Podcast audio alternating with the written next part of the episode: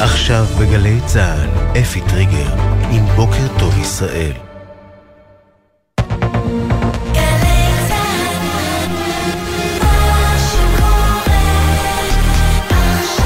גלי צה"ל, שש בבוקר. בוקר טוב ישראל עם אפי טריגר.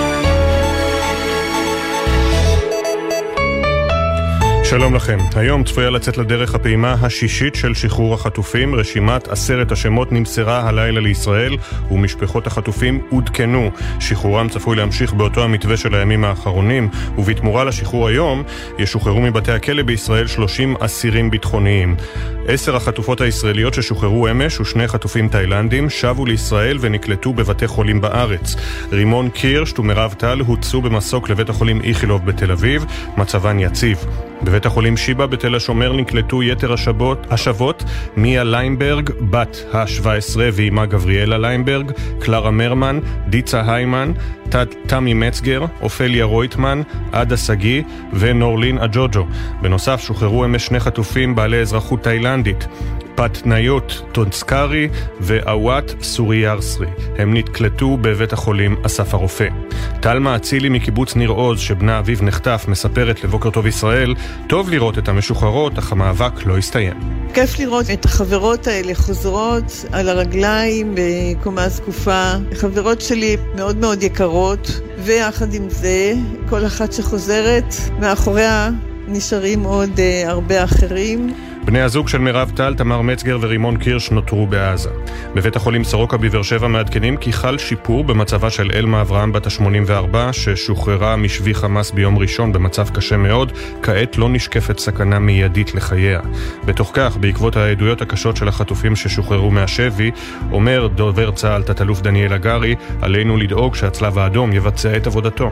שמענו היום כיצד איתן בן ה-12 אולץ לצפות בסרטוני זוועות והוכה על ידי מחבלים. עדותו של איתן ממחישה שחמאס הוא ארגון טרור אכזרי שלא מאפשר לצלב האדום לבדוק את מצבם של החטופים. ראש המוסד דדי ברנע, ראש ה-CIA ויליאם ברנס וראש המודיעין של מצרים התכנסו בקטאר לדון על הארכת ההפוגות והמתווה לשחרור חטופים. על פי דיווח ברויטרס, הבכירים דנו באפשרות לחתום על הסכם חדש שיכלול שחרור של גברים וחיילים. דובר משרד החוץ של קטאר אמר אתמול כי המטרה היא לכונן הפסקת אש קבועה באזור. נכון לעכשיו, ההפוגה הנוכחית צפויה להסתיים מחר בבוקר, ושני, ושני הצדדים, ישראל וחמאס, עוד לא הכריזו רשמית על הפוגה נוספת. הפרשן הבכיר לענייני ביטחון של הוושינגטון פוסט, דיוויד איגנשיוס, מעדכן לפני שעות אחדות כי חלה התקדמות במגעים בקטאר, וכי הנושאים ונותנים מכל הצדדים הסכימו לחלק את יתר החטופים לחמש קטגוריות. גברים המבוגרים מדי לשירות מילואים בצה"ל, חיילות, אנשי מילואים גברים, וחיילים בשירות פעיל. כמו כן, הקטגוריה החמישית היא של אה, גופות ישראלים שמתו לפני או במהלך השבי בעזה. מדובר ביותר מ-100 חטופים בסך הכל, אבל על פי אה, הדיווח, אה, חמאס לא אה, סיפק מידע מדויק. עוד פרטים בהמשך. בוקר טוב ישראל. היום יובאו למנוחות שניים מבין שלושה חיילי צה"ל שאתמול הותר לפרסום כי נפלו בקרבות ב-7 באוקטובר וגופותיהם נחטפו לרצועת עזה. סמל קיריל ברודסקי, בן 19 מרמת גן, שירת uh, כחפ"ק מפקד חטיבה, יובא למנוחות בשלוש אחרי הצהריים בבית העלמין הצבאי בקריית שאול. סמל ראשון תומר יעקב אחימס, בן 20, שירת כקשר מח"ט, יובא למנוחות בשתיים אחר הצהריים בחלקה הצבאית ביישוב להבים שבו נולד. חברו הטוב נועם נפרד ממנו בשיחה חיים, בוקר טוב ישראל. אין, אין אנשים כאלה. בן אדם שאפשר לדבר איתו, הייתי מספר לו הכל. פעם אחרונה שראיתי אותו אה, הייתה באותו שבוע, ביום שני, רק שלא ידעתי שזה הפעם האחרונה שאני רואה אותו בחיים.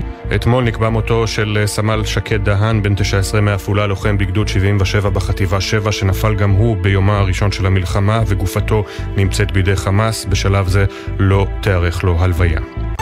שר הביטחון יואב גלנט הכריז, בתחילת ינואר תושבים המתגוררים במרחק של 4 עד 7 קילומטרים מרצועת עזה יוכלו לחזור לבתיהם. בזכות העבודה הזאת שמערכת הביטחון עושה על כל נגזרותיה, התושבים שיחזרו ליישובים יראו משהו חדש שהם לא הכירו. בסוף תהיה פה תפיסת ביטחון כוללת. שתיתן מענה אחר. את הדברים אמר גלנט בהערכת מצב אמש עם בכירי מערכת הביטחון ומנכ"ל משרד הביטחון אייל זמיר. עוד אמר השר גלנט כי המערכה בעזה תתרחב, בקרוב נעבוד גם במקומות אחרים, נשנה בהתאם, נחזיר את האנשים במעטפת מלאה של צה"ל וממשלת ישראל, כך שר הביטחון. נשיא ארצות הברית ג'ו ביידן הודיע הלילה ברשת החברתית אקס לשעבר טוויטר חמאס ביצעו מתקפת טרור משום שאין דבר שהם חוששים ממנו יותר מאשר ישראלים ופלסטינים שחיים זה לצד זה בשלום. עוד הוסיף ביידן, להמשיך בדרך של טרור, אלימות, הרג ומלחמה זה לתת לחמאס את מה שהם מבקשים, אנחנו לא יכולים לעשות את זה, כך נשיא ארצות הברית. דובר המועצה לביטחון לאומי ג'ון קרבי אמר לרשת CNN יש כיום יותר עזתים בדרום הרצועה ולכן יש נטל נוסף על ישראל ישראל להגן על חייהם בכל מבצע. קרבי עדכן כי בבית הלבן ימשיכו לעבוד כדי לבדוק אם יוכלו להאריך את ההפוגה בלחימה. מזג האוויר, הטמפרטורות תעלנה והן תהיינה רגילות לעונה. בחסות ביטוח ישיר, המציע דחייה בחודשיים של תשלומי ביטוח הרכב למחדשי הביטוח ולמצטרפים חדשים. ביטוח ישיר, איי-די-איי חברה לביטוח, כפוף לתקנון. בוקר טוב ישראל עם אפי טריגר. 606, גלי צה"ל, בוקר טוב ישראל, בוקר יום אה, רביעי, 29 בנובמבר. כ"ט בנובמבר 2023, ט"ז בכסלו תשפ"ד, שלום לכם. אה, אנחנו פותחים קודם כל עם שובן של עשר חטופות ישראליות אתמול מהשבי בעזה, יחד איתן שוחררו גם שני חטופים בעלי אזרחות תאילנד. אה, כתבנו יואלי ברים נמצא הבוקר בבית החולים שיבא בתל השומר, ומצטרף אלינו משם כעת, שלום יואלי.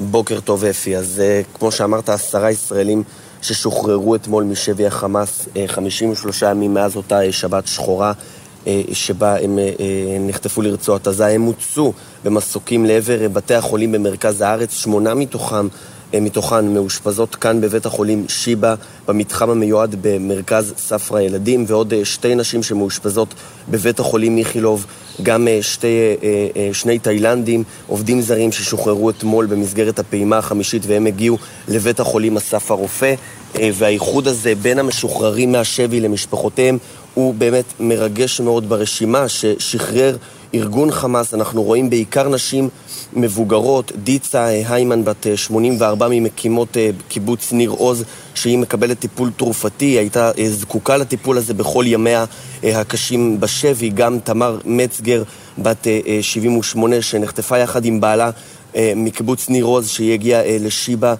כאן לבית החולים וזכתה לראות את ילדיה כשבעלה יורם נותר מאחור בשבי. אופליה רוטמן, בת 77, מניר עוז, התאחדה אתמול בבית החולים עם שלושת ילדיה ותשעת נכדיה. עדה שגיא, בת ה-75, גם היא מקיבוץ ניר עוז, ונורלין בבדילה ג'וג'ו, בת ה-60 מיהוד, שנחטפה בקיבוץ נירים, שבו היא התארחה באותה השבת כשבעלה גדעון נרצח. והאם והבת, גבריאלה ליינברג, בת ה-59, ומאיה ליינברג, בת ה-17, שנחטפו מניר יצחק, הגיעו לכאן לשיבא, גם אחותה של גבריאלה מיינברג, ליינברג, קרלה מרמן, ששוחררה אתמול כשהאחי הגדול נשאר שבוי בעזה. מצבן הרפואי של uh, uh, כל הנשים עדיין לא ידוע לנו. בעוד כחצי שעה תתקיים כאן בבית החולים הצהרה של אחד מצוותי, מצוותי הטיפול הרפואי כדי לעדכן את הציבור במצבן. הן קיבלו טיפול רפואי במהלך הלילה. לצידן אנחנו יודעים שיש צוות של פסיכולוגים מקצועיים ואנשי צה"ל. מי שאנחנו כן יודעים לגבי מצבן זה שתי משוחררות שהגיעו לבית החולים מיכילוב, מירב טל בת ה-53 ורימון קירשט בת ה-36, שבעלה יוגב נותר מאחור בשבי. פרופסור דוד זלצר מבית החולים איכילוב אמר אתמול שבסך הכל מצבן הגופני יציב, אז כאמור אנחנו כאן בבית החולים שיבא, סמוך למתחם המיוחד שבו מאושפזות השבות הביתה, ואנחנו נעביר את דברי פרופסור איתי פסח, שהוא מנהל המרכז הרפואי לילדים, באשר למצבן הרפואי. בשלב הזה, וכמובן נעביר את הדברים. תודה רבה, יואל עיברים בשיבא. אנחנו כאמור נחזור אליך גם כשיגיע העדכון הרפואי הרשמי ובהמשך המשדר.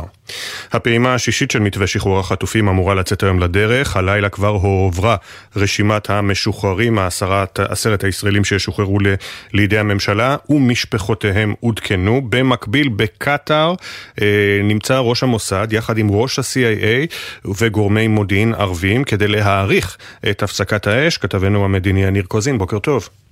שלום, שלום אפי, בוקר טוב. אז כאמור, במהלך הלילה הועברה רשימת החטופים בפעימה השישית שצפויים להשתחרר. המשפחות כבר עודכנו בעניין הזה, ואנחנו נוכל להבין פחות או יותר את הרכב הרשימה בהמשך היום. לגבי העניין הזה, כפי שציינת, אפי, ההתכנסות הזאת של אה, ראש המוסד, אה, ראש ה-CIA, ראש המודיעין המצרי וראש ממשלת אה, קטאר בדוחה בקטאר, כדי בעצם לנסות ולייצר כאן מתווה חדש, אולי אפילו להאריך את המתווה הנוס... הנוכחי, כלומר, המתווה שמדבר על ילדים אמותיהם ונשים, להאריך אותו בעוד יומיים כדי לנסות ולאפשר לכמה שיותר מהקבוצה הזאת להשתחרר, הכל תלוי כמובן בחמאס אם הוא יכול להביא את הקבוצה הזאת, כלומר ילדים אמותיהם ונשים, וגם לנסות ולהרכיב כאן איזשהו מתווה של שחרור גדול יותר, גם של גברים וגם של חיילים. הדבר הזה יזדקק אה, לאישור מחדש של הממשלה, מדובר כאן במתווה אחר עם מחירים ככל הנראה אחרים ועל זה מדברים.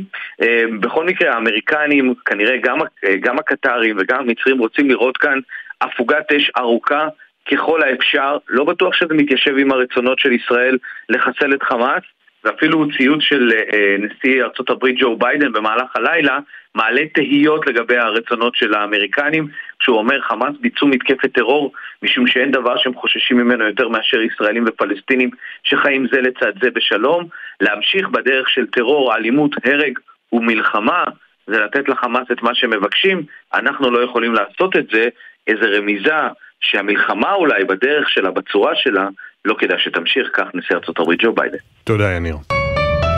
11 דקות וחצי אחרי uh, השעה 6, בוקר טוב uh, ישראל, אנחנו עם כותרות העיתונים uh, ואנחנו עם מעריב הבוקר פותחים הכותרת בשלוש מילים בין פעימה להפרה, התמונה הגדולה, התמונה של מיה ליינברג, יחד עם הכלבה בלה, חיפשו בני המשפחה כאן את הכלבה, מסתבר שמיה נחטפה עם הכלבה ועם אימה והיא שוחררה אתמול לצידה שני מחבלי רוצחי חמאס. אה, והתמונה הגדולה הזו היא הבולטת על, כל, על כמעט על כל השאר של מעריב, בעוד ישראל וארצות הברית ממשיכות במגעים להארכת ההפוגה ושדרוג הקטגוריות במתווה שחרור החטופים. מחבלי חמאס החלו לפעול נגד צה"ל בצפון הרצועה, מטעני צד הופעלו נגד הכוחות, שלושה חיילים נפצעו קל, אמש עשר חטופות ישראליות, בהן גבריאלה ליינברג וביתה מיה שוחררו מהשבי. על רקע הדיווחים על הפסקת אש ממושכת, קבינט המלחמה הבהיר, נערכים להרחבת ועד התמרון בכלל רצועת עזה. עוד בשער של אה, מעריב, מפלצות מול ילדים קטנים, איתן יהלומי בן ה-12 אולץ לצפות בסרטוני הזוועה מיום הטבח, הוכה ונכלא לבדו. אמילי הנד בת התשע הוכרחה ללחוש בשבי וכעת מתקשה לדבר בקול רם. הטרור שעבר על הצעירים הישראלים בשבי חמאס והזעקה של משפחת ביבס כל יום בשבי מסכן אותם, כך במעריב. בישראל היום זו הכותרת הראשית, עדויות הילדים עם תמונתו של איתן יהלומי יחד עם אמו בת שבע בבית החולים אה, איכילוב שלשום, ממדי האכזריות נחשפים. אה, מאמרי פרשנות בישראל היום, נדב שרגאי כותב ניצחון על חמאס רק בשפת עזה, כלומר אה, לחסל את חמאס עד הסוף. דנה בן שמעון כותבת סינואר חי על זמן שאול. אריאל כהנא כותב כל התרחישים לימים הבאים. יואב לימור קורא גם בצפון לסמוך רק על עצמנו. חנן גרינווד מזהיר שחרור המחבלים מתדלק את יהודה ושומרון. ומשה אלעד כותב על הצביעות של בית הדין בהאג. אגב, לא עברתי על מאמרי הפרשנות במעריב. טל לברם כותב על פיקוח אמריקאי על כל הנעשה בלחימה ובהפוגה. ואנה ברסקי כותבת על רעידת אדמה, בואו נראה למה היא מתכוונת, אני מניח לדיווחים על כך שנשקלת האפשרות... אה, אה לא, היא כותבת את זה על אה, התקציב. כשגנץ יפרוש תתחיל רעידת אדמה, נאמר בינתיים אין שום הצהרה של המחנה הממלכתי על אה, הכנה לפרישה מהקואליציה. להפך, אתמול אה, השר גדעון סער אמר כאן בבוקר טוב ישראל, שמי שחשב שעל רקע התקציב צריך לפרוש מהממשלה לא מבין את גודל האתגרים שניצבים בפני המדינה. בהארץ, אה, תמונות עשר המשוחררות אתמול. בואו נחזור על השמות. מיה ליימברג בת ה-17 ואימה גבריאלה בת 59, קלרה מרמן בת 63, דיצה היימן בת 84, מירב טל בת 54, נורלין בבדילה ג'וג'ו בת 60, עדה שגיא בת 75, רימון קירשט בת 36, תמר מצגר בת 78 ואופליה רויטמן בת 77, יחד איתן שני משוחררים אזרחי תאילנד. אה, עוד בכותרת של הארץ, מקורות, התקדמות משמעותית בגיבוש עסקאות חטופים נוספות. תכף נלך למקורות האמריקניים מהלילה שאנחנו מביאים לכם אה, הבוקר אה, ראשונים. וגם אה, נתניהו ביקש להיפגש עם נציגי יישובים בעוטף, בבארי סירבו, כך בעיתון הארץ. עמוס הראל כותב מסלול יציאה. סינואר לא הסתפק בשחרור מינורי של אסירים פלסטינים, נשים, קשישים וקטינים, מרגע שישחרר את החטופים מהקטגוריה הנוכחית שעליה הוסכם. בשלב הבא הוא ידרוש הרבה יותר אסירים ביטחוניים תמורת שחרור החיילים ויתר האזרחים. צבי בראל כותב על גלי הדף אזוריים, כשנשיא טורקיה ארדואן האשים את ישראל בביצוע פשעי מלחמה וקרא לעמידה בפני בית הדין הפלילי הבינלאומי בהאג, אלה לא היו רק הצהרות חלולות. בשבוע שעבר הגישו נציגיו תיק עבה עם הוכחות לכאורה לביצוע פשעי מלחמה בידי ישראל. עדיין לא ברור כיצד מתכוון בית הדין בהאג לנהוג בפנייה, אבל היא עלולה לצבור תאוצה כאשר מדינות נוספות יצטרפו לדרישה, אחת מהן היא ירדן. שהפרלמנט שלה כבר החל לדון בסוגיה. צבי בראל מזהיר ממשבר אה, תמידי, מתמשך, ביחסים עם מדינות האזור. ואלוף בן כותב מי יותר חזק העורך הראשי של אה, הארץ ראשי מערכת הביטחון רוצים להסתכן ולצאת לשלב השני במערכה הקרקעית ולא מזהים שחיקה בנכונות הציבורית להילחם אין לחץ פנימי להפסקת אש ממושכת או להסדר עם חמאס כמו בסבבי הלחימה בעבר אבל ישראל לא יכולה להחליט לבד על צעדיה האמריקאים מעורבים מקרוב בניהול המלחמה בכל הרמות במצב כזה החלטה ישראלית על חידוש האש בדרום ובוודאי על הרחבת הלחימה נגד חיזבאללה בצפון תהיה כפופה להסכמה או לפחות להבנה אמריקאית. אמ, המאמר המלא של אלוף בן בעמוד 5 בהארץ. עוד בהארץ המשוחררים סיפרו שספגו אלימות, איומים והתעללות נפשית.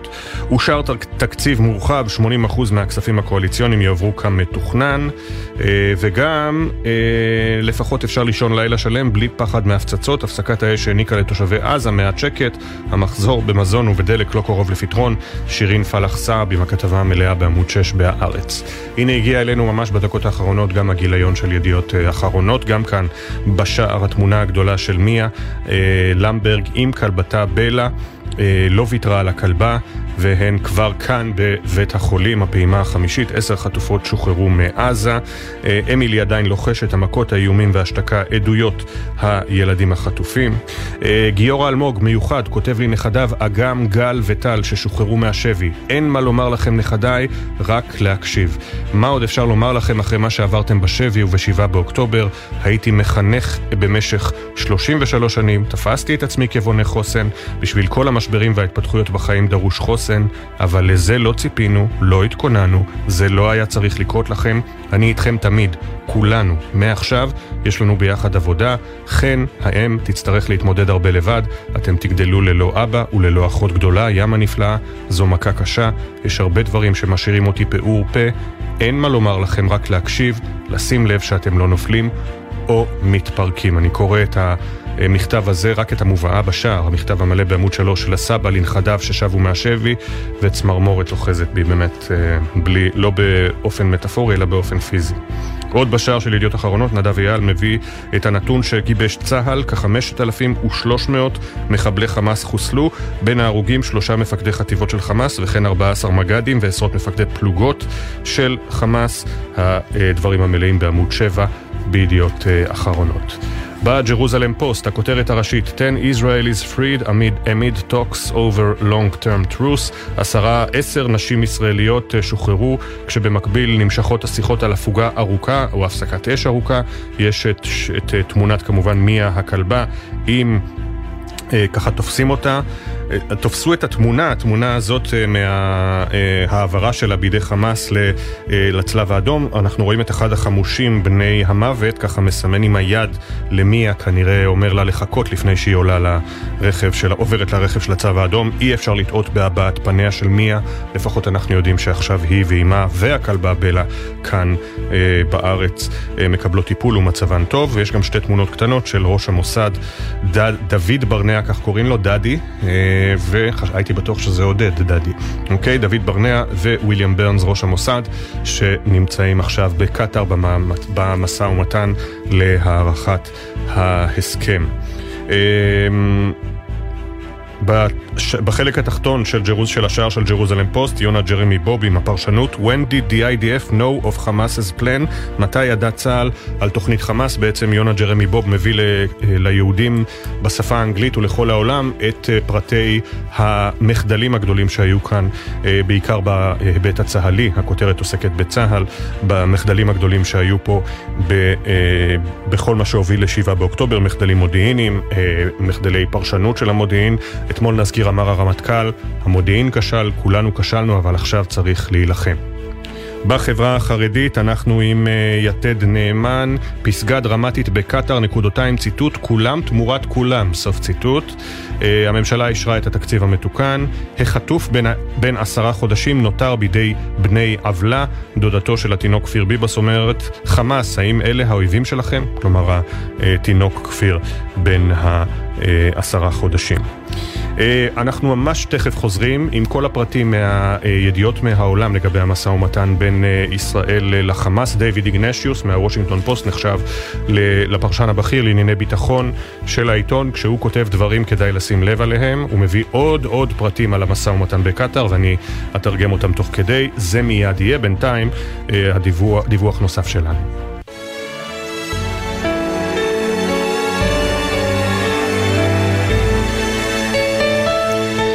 עכשיו 6.21 בדיוק, בוקר טוב ישראל. גם בעיתות מלחמה, ההתמודדות עם האלימות בחברה הערבית לא פוסקת. מפרוץ המלחמה נרצחו על רקע פלילי 23 אזרחים ערבים, ורק ביממה החולפת נרצחו שניים. גל האלימות נמשך וכוחות הביטחון ממוקדים בלחימה. מצטרף אלינו כתבנו בחברה הערבית אדם פראג', שלום אדם. שלום אפי, על רקע המלחמה מעסיקה את כל המדינה, המלחמה על החיים אה, בחברה הערבית נמשכת בכל הכוח. מספר הנרצחים בחברה הערבית ממשיך לעלות ועוד שמות מצטרפים אה, לרשימה הארוכה. אמש אה, נורה למוות מואניס מרוואט, בן 29, תושב נצרת. הוא פונה לבית החולים האנגלי כשהוא במצב אנוש, ושם נקבע מותו. לפני חצי שנה נרצח אחיו של מואנס אוסאמה. מוקדם יותר אתמול נורה למוות עיסא שעבן, תושב לוד שהיה ברכבו עם בנו בכופר קרע כשאלמונים ירו לעברם ופצעו אותו אנושות ומותו נקבע במקום. המשטרה חוקרת את שני האירועים.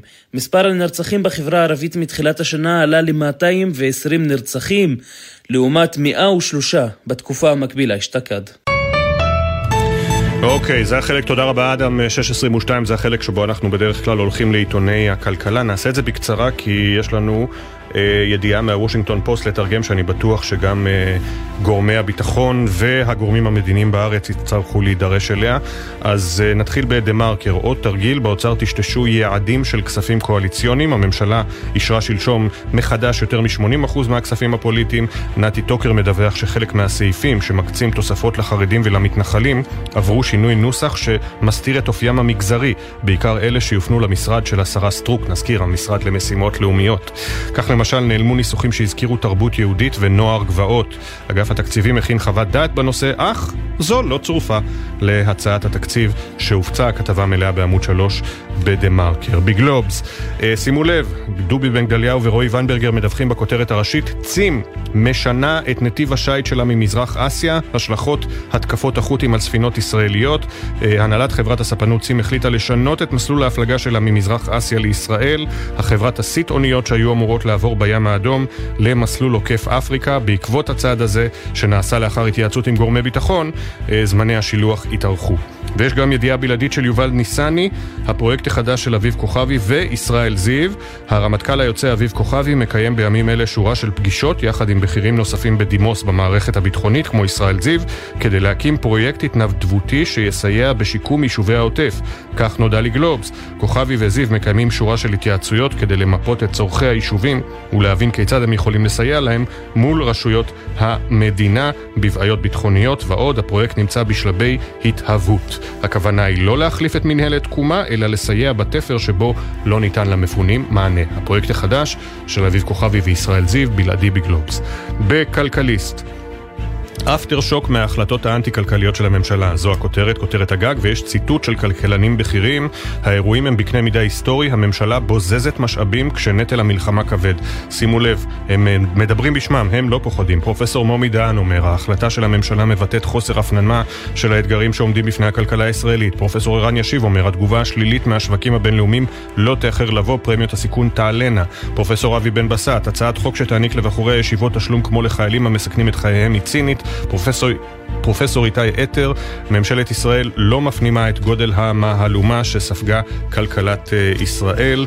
אה, אדריאן פילוט דיבר עם הכלכלנים הבכירים, זה בעמודים 4-5 בכלכליסט. עכשיו אנחנו אל אה, הידיעה של הוושינגטון פוסט, כאמור, דיוויד איגנשיוס, הפרשן לענייני ביטחון הבכיר של העיתון, מדווח על אה, מומנטום. אה, שנצבר אה, בשיחות בקטאר. אה, הוא לא קורא לזה כולם תמורת כולם, הוא קורא לזה more for more, עוד תמורת עוד. זה ה, בעצם, ה, זו הנוסחה, שזה ההיגיון שמנחה את השיחות שמתנהלות בקטאר, כאמור, בנוכחות ראש המוסד דדי ברנע וראש ה-CIA וויליאם ברנס, כמו כן ראש ממשלת קטאר, מוחמד בן עבדול רחמן א-ת'אני, משמש כמתווך ונכנס ויוצא מהשיחות. פי המתווה, זה בעצם אותו מתווה אה, אותו מבנה של שיחות שהתקיימו גם ב-8 בנובמבר בדוחה והובילו לפריצת הדרך שבעקבותיה שוחררו 61 חטופים ישראלים ועוד עשרות אזרחים אה, זרים ועכשיו אני ממש מתרגם תוך כדי אז לעיתים אני קצת אה, אכשל בלשוני מבחינת העברית, הדוקטור יסלח לי. הנושאים ונותנים הסכימו על חמש קטגוריות לחלק את החטופים הישראלים לשחרורים עתידיים כך אומר מקור יודע דבר לוושינגטון פוסט. אלה חמש הקבוצות. אה, גברים שמבוגרים מכדי לשרת בשירות מילואים, חיילות, חיילי מילואים גברים, אה, חיילים בשירות סדיר, חיילים וקצינים כמובן, וגופות ישראלים שמתו לפני או במהלך השבי. בסך הכל מדובר ביותר ממאה חטופים בחמש הקטגוריות הללו. המקור יודע הדבר, לא יכול היה לספק מספר מדויק. על פי הדיווח, חמאס הביע נכונות לנהל משא ומתן על שחרור חטופים מכל חמש הקטגוריות, והמקור הוסיף ש... פרמטרים לשחרור, כמו אה, כמה אה, חטופים ישוחררו מדי יום, כמה אסירים פלסטינים ישוחררו תמורת כל ישראלי אה, וכמה עזרה, אה, עזרה אה, הומניטרית, סיוע הומניטרי יועבר לעזה, הפרמטרים הללו עדיין לא גובשו באופן סופי. על פי הידיעה, וזה גם משהו שגם אנחנו יודעים, החטופים שנותרו, כאמור יותר ממאה, מפוזרים בין קבוצות שונות בעזה, לא רק בידי חמאס, חלק מוחזקות בידי הג'יהאד האיסלאמי, שגם הוא כמו חמאס נתמך בידי איראן, חלק בידי קבוצות אה, מיליציות קטנות שהן לא פחות, שהן לא יותר מאשר משפחות אה, של גנגסטרים, של משפחות פשע. אה, חמאס אמר לקטרים שהם משוכנעים שיוכלו להביא לשחרור כולם, אם יהיה הסכם, להביא לשחרור כל החטופים, אפילו אם הם מפוזרים ברצועה. בעיה אחת קשה היא כמובן שכל עוד חמאס והג'יהאד האיסלאמי מחזיקים בחטופים במנהרות, שם הם בדרך כלל מוגנים יותר מהפצצות אה, ומתקיפות חיל האוויר וצה"ל, אה, הקבוצות הקטנות, המיליציות הקטנות שמחזיקות את יתר החטופים, אין ברשותן אה, מנהרות ולכן הן מחזיקות אותם במבנים מעל האדמה, לכן הסכנה לחטופים הללו שלא בידי חמאס או הג'יהאד האיסלאמי, הסכנה הזו גדולה מאוד. אם יימשך שחרור האסירים החטופים, המשו... נושאים ונותנים יצטרכו כמובן להתייצב בפני השאלה החשובה האם אפשר לחדש את הלחימה בעזה כל עוד אה, יש עדיין חטופים שם. המטרה הסופית היא הנושא אה, החמקמק מכולם, The trickiest issue of all, כך זה באנגלית. ישראל ממשיכה לומר שהיא תחדש את הלחימה עד שתהרוס את היכולת של חמאס לשלוט בעזה. חמאס מצידו רוצה לשרוד גופנית ומדינית, כלומר גם ביכולת אה, וגם בשליטה המדינית. קשה לראות את המרחב אה, לפשרה בין שתי המטרות המנוגדות הללו. אה, כך אה, הידיעה של דיוויד איגנשיוס, ידיעה חשובה ביותר, ואנחנו אה, כמובן אה, קיבלנו אותה כאן אה, במהלך הלילה וקראתי לכם אותה במלואה. עוד ידיעה של אה, וושינגטון אה, פוסט, סליחה, זאת הייתה הידיעה של הוושינגטון פוסט, עוד ידיעה של הוול סטריט ג'ורנל, ארצות הברית לוחצת על ישראל לשנות את תוכניותיה ההתקפיות לשלב הבא במערכה אה, ולעבור לתקיפות מדויקות יותר ולא לתקיפות רוחב כדי לפגוע בכמה שפחות אזרחים פלסטינים. זו ידיעה של הוול סטריט ג'ורנל, אני מיד מצ, מצייץ או מאקסס יותר נכון קישורים לשתי הידיעות הללו.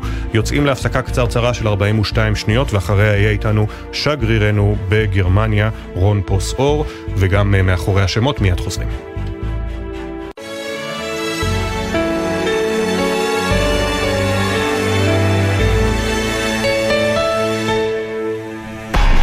אתם מאזינים לגלי צה"ל.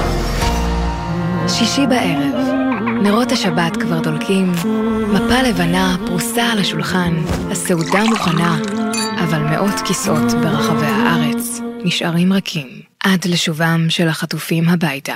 גלי צה"ל מקדישה שעה בכל ליל שבת לסיפורים האישיים של החטופים, השירים שהם אוהבים וההקלטות בקולם, כאילו היו פה איתנו. שישי, שמונה בערב, גלי צה"ל. עכשיו בגלי צה"ל, אפי טריגר, עם בוקר טוב ישראל. שש ושלושים ועוד חצי דקה כותרות. היום צפויה לצאת לדרך הפעימה השישית של שחרור החטופים. רשימת עשרת השמות נמסרה הלילה לישראל ומשפחות החטופים עודכנו. שחרורם צפוי להמשיך באותו המתווה של הימים הקודמים. בתמורה לשחרור היום ישוחררו מבתי הכלא בישראל 30 אסירים ביטחוניים פלסטינים. עשר החטופות הישראליות ששוחררו אמש ושני חטופים תאילנדים נקלטו הלילה בבתי חולים בארץ. רימון קירשט ומירב טל הוצאו במסוק לבית החולים איכילוב בתל אביב, מצבן יציב. בבית החולים שיבא בתל השומר נקלטו יתר השבות מיה ליימברג בת ה-17 ואמה גבריאלה, קלרה מרמן, דיצה היימן, תמי מצגר, אופליה רויטמן, עדה שגיא ונורלין אג'וג'ו. בנוסף, שוחררו אמש שני חטופים בעלי אזרחות תאילנדית, פתניוט טונסקרי ואוואט סוריאסרי. הם נקלטו בבית החולים אסף הרופא. טלמה אצילי מקיבוץ ניר עוז, שבנה אביו עדיין חטוף, מספרת בבוקר טוב ישראל, טוב לראות את המשוחררות, אבל המאבק לא הסתיים. כיף לראות את החברות האלה חוזרות על הרגליים בקומה זקופה. חברות שלי מאוד מאוד יקרות, ויחד עם זה, כל אחת שחוזרת, מאחוריה נשארים עוד uh, הרבה אחרים. בני הזוג של מירב טל, תמר מצגר ורימון קירש נותרו בעזה. בבית החולים סורוקה בבאר שבע מעדכנים כי חל שיפור במצבה של אלמה אברהם בת ה-84 ששוחררה משבי חמאס ביום ראשון במצב קשה מאוד. כעת לא נשקפת סכנה מיידית לחייה. ראש המוסד דדי ברנע, ראש ה-CIA וויליאם ברנס וראש המודיעין של מצרים התכנסו אתמול בקטאר לדון בהארכת ההפוגות והמתווה לשחרור החטופים. הבכירים דנו באפשרות לחתום על הסכם חדש שיכלול שחרור של גברים וחיילים, כך אה, מדווחת סוכנות רויטרס. דובר משרד החוץ של קטאר אמר כי המטרה היא לכונן הפסקת אש קבועה באזור. נכון לעכשיו, ההפוגה הנוכחית צפויה להסתיים מחר בבוקר. שני הצדדים, ישראל וחמאס, עוד לא הכריזו רשמית על הארכתה. הפרשן הבכיר לענייני ביטחון של הוושינגטון פוסט, דיוויד איגנשיוס, מדווח בעיתונו כי חלה התקדמות במגעים ויש מומנטום לקראת עסקה שאותה הוא מכנה more for more, עוד תמורת עוד. על פי הדיווחים, על פי הדיווח שלו, אה, חולקו אה, יתר החטופים, יותר ממאה במספר, לחמש קטגוריות. גברים המבוגרים מדי לשירות מילואים בצה"ל, חיילות, גברים בשירות מילואים, חיילים בשירות פעיל וגופות ישראלים שמתו לפני ובמהלך השבי.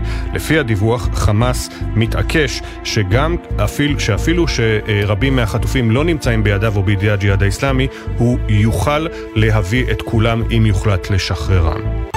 עדכוני תנועה לנהגים מגלגלצ, איילון צפונה עמוס מחולון עד מחלף השלום, כביש 6 דרומה עמוס ממחלף בקה עד מחלף אייל, ומזג האוויר, הטמפרטורות תעלנה, והן תהיינה רגילות לעונה.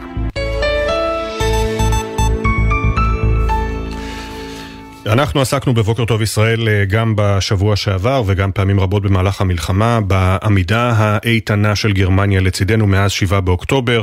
אה, בשבועות האחרונים אכן גילינו, לא, מי שלא ידע, גילה חברת אמת גרמניה, נשיא גרמניה פרנק ולטר שטיינמאייר, מבקר השבוע בארץ, צייר בבארי ואפילו הכריז כי יתרום 7 מיליון אירו לשיקום הגלריה שנשרפה בבארי. בינתיים בגרמניה אה, ההנהגה הפוליטית איתנו, אבל יש גם זינוק דרמטי במקרים אה, ובאירועים אה, אנטישמיים מפרוץ המלחמה. רון פרוסאור, שגרירנו בגרמניה, נמצא כאן בארץ לרגל הביקור של נשיא גרמניה. שלום רון, בוקר טוב.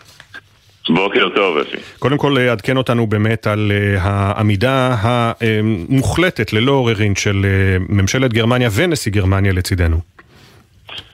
טוב, אז uh, מהיום הראשון בעצם הקאנצלר שולץ uh, התחיל באמירה מאוד ברורה, המקום היחיד שגרמניה יכולה לעמוד בו זה לצידה של מדינת ישראל וכל ראשי המפלגות, uh, מהנשיא ומטה, כולל נאום באמת uh, של סגן הקאנצלר, האבק, שאתה יודע, זה רגע מנהיגותי כזה אמיץ, זה נאום לאומה שמביע מחויבות בלתי מתפשרת לביטחון ישראל וגם לחיים יהודיים בגרמניה.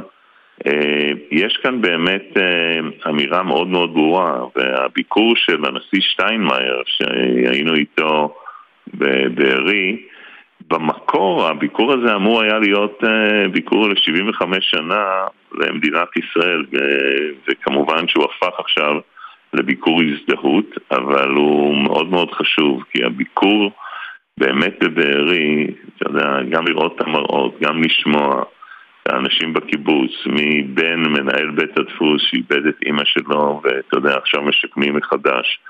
אה, אז הביקור בבארי עם הנשיא הרצוג ורעייתו מיכל, שבאמת חברים טובים של אה, שטיינמאייר ורעייתו, אתה רואה שהם באמת לקחו את הדברים, ראו, היה פה זעזוע גדול מאוד, ובמיוחד שציר הזמן נע קדימה, מתחילים לשכוח, לפחות באירופה, אה, חלק מהטבח, אז הביקור הזה היה ממש משמעותי. כמובן, ואנחנו רואים גם את התמיכה וגם את ההבנה שלהם לדברים שקורים פה, אבל אצלם בבית בגרמניה הדיווח האחרון מ-8 בנובמבר אה, של AP, עלייה, מה זה עלייה? זינוק של 320 אחוז באירועים אנטישמיים ברחבי גרמניה מאז 7 באוקטובר. חד משמעית, בגרמניה יש פה אנטישמיות גם מימין, אנטישמיות גם משמאל, וכמובן אנטישמיות מיובאת של המהגרים המוסלמים uh, שמשפיעה ופשוט אה, יוצאת עם, עם ביטויים שהם ביטויים קשים, שבאמת יש כאן פער גדול מאוד, אפי, בין הממשלת גרמניה או הפוליטיקאים שמכירים אה, ואנחנו באמת מנגישים להם את, ה, את מה שקורה באמת בארץ, ובין הציבור עם הרשתות חברתיות, שזה באמת פער אדיר אה, שאנחנו עובדים עליו לצמצם אותו, אה, אבל 61% מהאוכלוסייה הגרמנית אה, לא מעוניינים בהגירה ממדינות מסלומיות, מפחדים מהתופעות שהם רואים בתוך גרמניה, והשילוב הזה, אני חושב שבעצם בחברה פציפיסטית כמו הגרמנית, ששנים, אתה יודע, חשבה ש...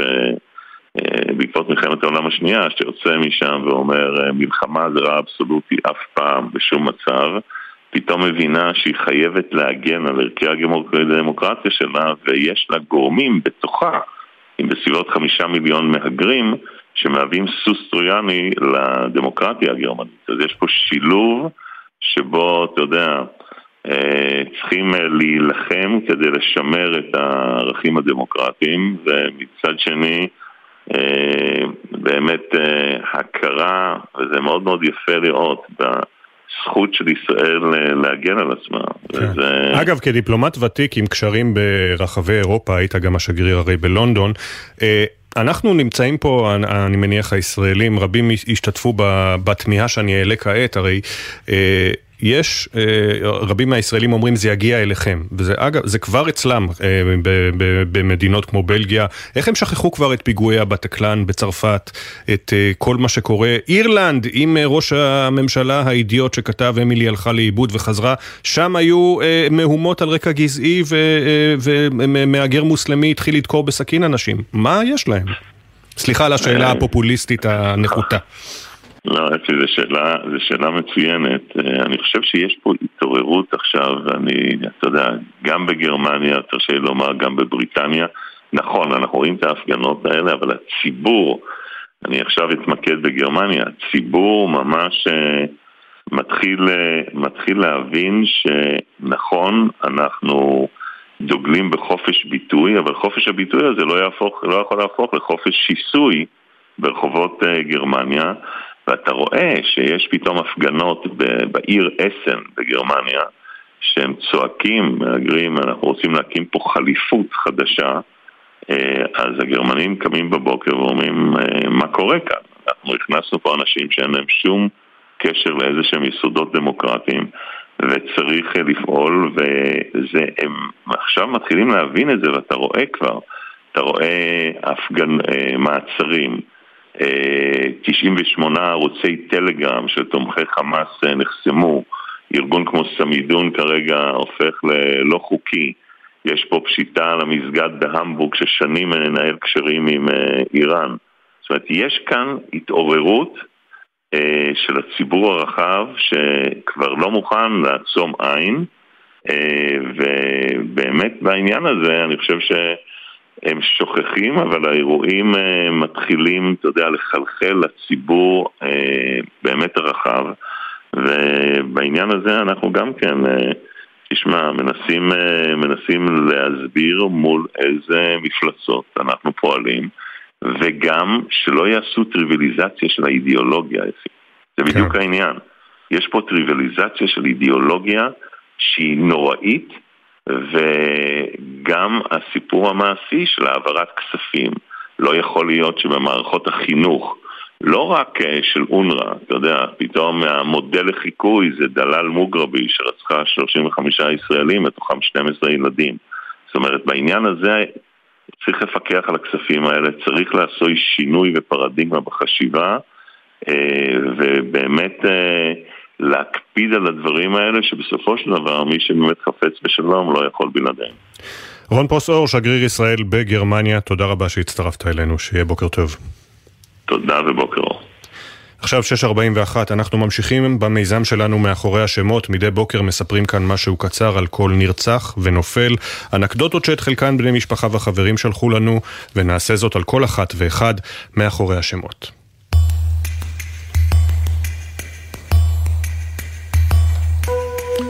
משפחת יעקב ג'רפי איבדה במסיבה ברעים את האחיות שוהם ושנהב והאחיין שלהן ליאל בן ה-18. האחיות מהרצליה היו אוהדות צרופות של מכבי תל אביב ואהבו במיוחד את ערן זהבי. שוהם, בת 28, הייתה מאמנת כושר אישית ותמיד התעצבנה כשכתבו את השם שלה עם ו'. שנהב, בת 26, העידה על עצמה שהיא חובבת אוכל וכדורגל.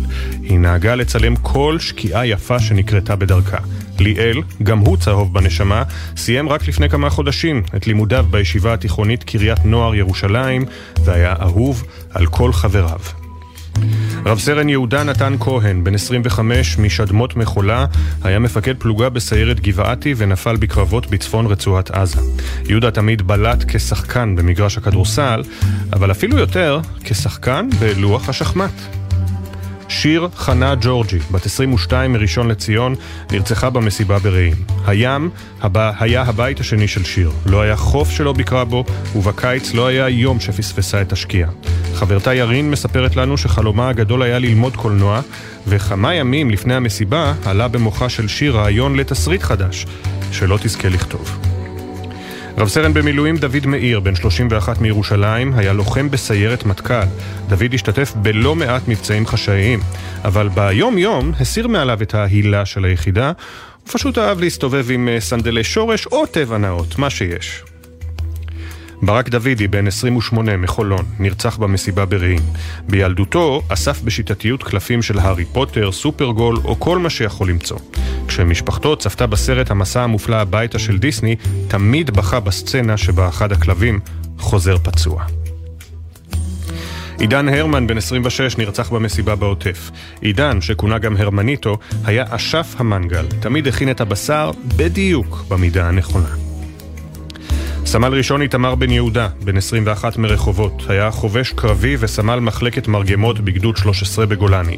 איתמר היה מאושר להישאר בבסיס בשמחת תורה, כי חשב שזאת תהיה סגירת השבת האחרונה שלו בצבא. לחופשת השחרור היה אמור לצאת רק עשרה ימים לאחר מכן. גם כשנפצע בקרבות ב-7 באוקטובר, המשיך להילחם ולעודד את פקודיו. שני גבאי, בת 26 מיוקנעם, נרצחה במסיבה ברעים. גופתה זוהתה לאחר שהוגדרה נעדרת במשך יותר מחודש. שני, צלמת בנשמתה, תמיד מצאה את המילים הנכונות לכל סיטואציה וכל מצב. החבר הכי טוב שלה היה הכלב, אלפא. סרן במילואים אדיר פורטוגל, בן 23 ממזכרת בתיה, היה קצין בגדוד שקד בחטיבת גבעתי. אדיר, אוהד מושבע של מכבי, כבר היה בעיצומו של הטיול הגדול בדרום אמריקה, אבל התעקש למצוא כרטיס טיסה ולחזור ארצה להילחם. שון דויטשווילי, בן 25 מבאר שבע, נרצח במסיבה ברעים. מגיל קטן שון היה ילד שובב, תמיד הסתובב עם חיוך על הפנים, כך מספרת לנו אחותו לין. היא אומרת שגם באותה השבת הרגיע את כל המשפחה, ולא הפסיק לומר שהכל יהיה בסדר. סמל ראשון איתן דוב רוזנצוויג, בן 21 מאלון שבות, היה לוחם בגדוד שקד בחטיבת גבעתי. איתן, שדיבר תמיד ב-200 קמ"ש, שילב בעבודת הגמר שלו בין שתי אהבותיו הגדולות, האומנות והיהדות, ויצר את מגילת הגורל היהודי, ברישום עדין שנפרס על גבי קלף באורך שלושה מטרים. משה והדי מאשקלון נרצח במסיבה ברעים. משה, שכונה לעיתים גם מושיקו, היה הדוד הכי מגניב בעולם. כיבוד הורים היה עבורו ערך עליון. סמל ראשון אדיר אשטו בוגלה, בן 20 מאריאל. היה לוחם בגדוד 13 בחטיבת גולני. אדיר יכל לשבת על הספה שעות ולקרוא בשקיקה את ספר דברים. בקידוש היה מוזג יין לכולם ורק אחר כך לעצמו, ובכל פעם שקיבל משכורת מהצבא, התגנב על מדים לבית הכנסת לתת מעשר. חזי יחזקאל חנום מפתח תקווה נרצח במסיבה ברעים. החברים יזכרו את השיגעונות של חזי והעצבים שחטף תכופות עד שהיה מכריז בכל פעם רק אני קובע פה. למרות הפתיל הקצר, אחרי חצי שעה חזי כבר התחבק עם מי שהתעמת איתו, ומעולם לא נטר טינה. אורי צ'רניחובסקי מפתח תקווה נרצח במסיבה ברעים. אורי נהג לקרוא לכולם אחי. פעם אחת כששליח מותש הגיע לביתו, אורי ניגש לעברו, ישר שאל, אחי אתה צריך עזרה? התכוון לכך מכל הלב, באותו רגע השליח חזר, באמת, היה לו לאח. סמל ראשון ולנטין אלי גנסיה, בן 22 מירושלים, היה לוחם בגדוד 890 בחטיבת הצנחנים. אלי עלה ארצה מצרפת לבדו, התגייס לצה"ל ונפל בקרבות שבוע בלבד לפני השחרור. אליהו יעקב ברנשטיין, בן 20, נרצח במסיבה ברעים. אליהו גדל במשפחה חרדית. עם רעמת הטלטלים ומשקפי השמש, דאג תמיד לא לעשות מעצמו עניין. ליאור טקאץ' נרצח במסיבה בעוטף. ליאור היה אוהד מושבע של ברסה, עד כדי כך שבניצחון 6-1 על פריס סן ג'רמן, שבר את המיטה לשניים מרוב אושר, וגם איבד את הכל, כי לא הפסיק לשאוג בכל גול. הפנים, השמות. הסיפורים המלאים יעלו בהמשך לעמוד האינסטגרם והפייסבוק של גלי צה"ל ואנחנו מזכירים, בני משפחה וחברים מוזמנים לשלוח לנו סיפורים ותמונות, לכתוב את המייל זיכרון שטרודל glz.co.il, זיכרון עם K. תודה רבה לאנה פינס ותמר שונמי שהביאו את הסיפורים לשידור.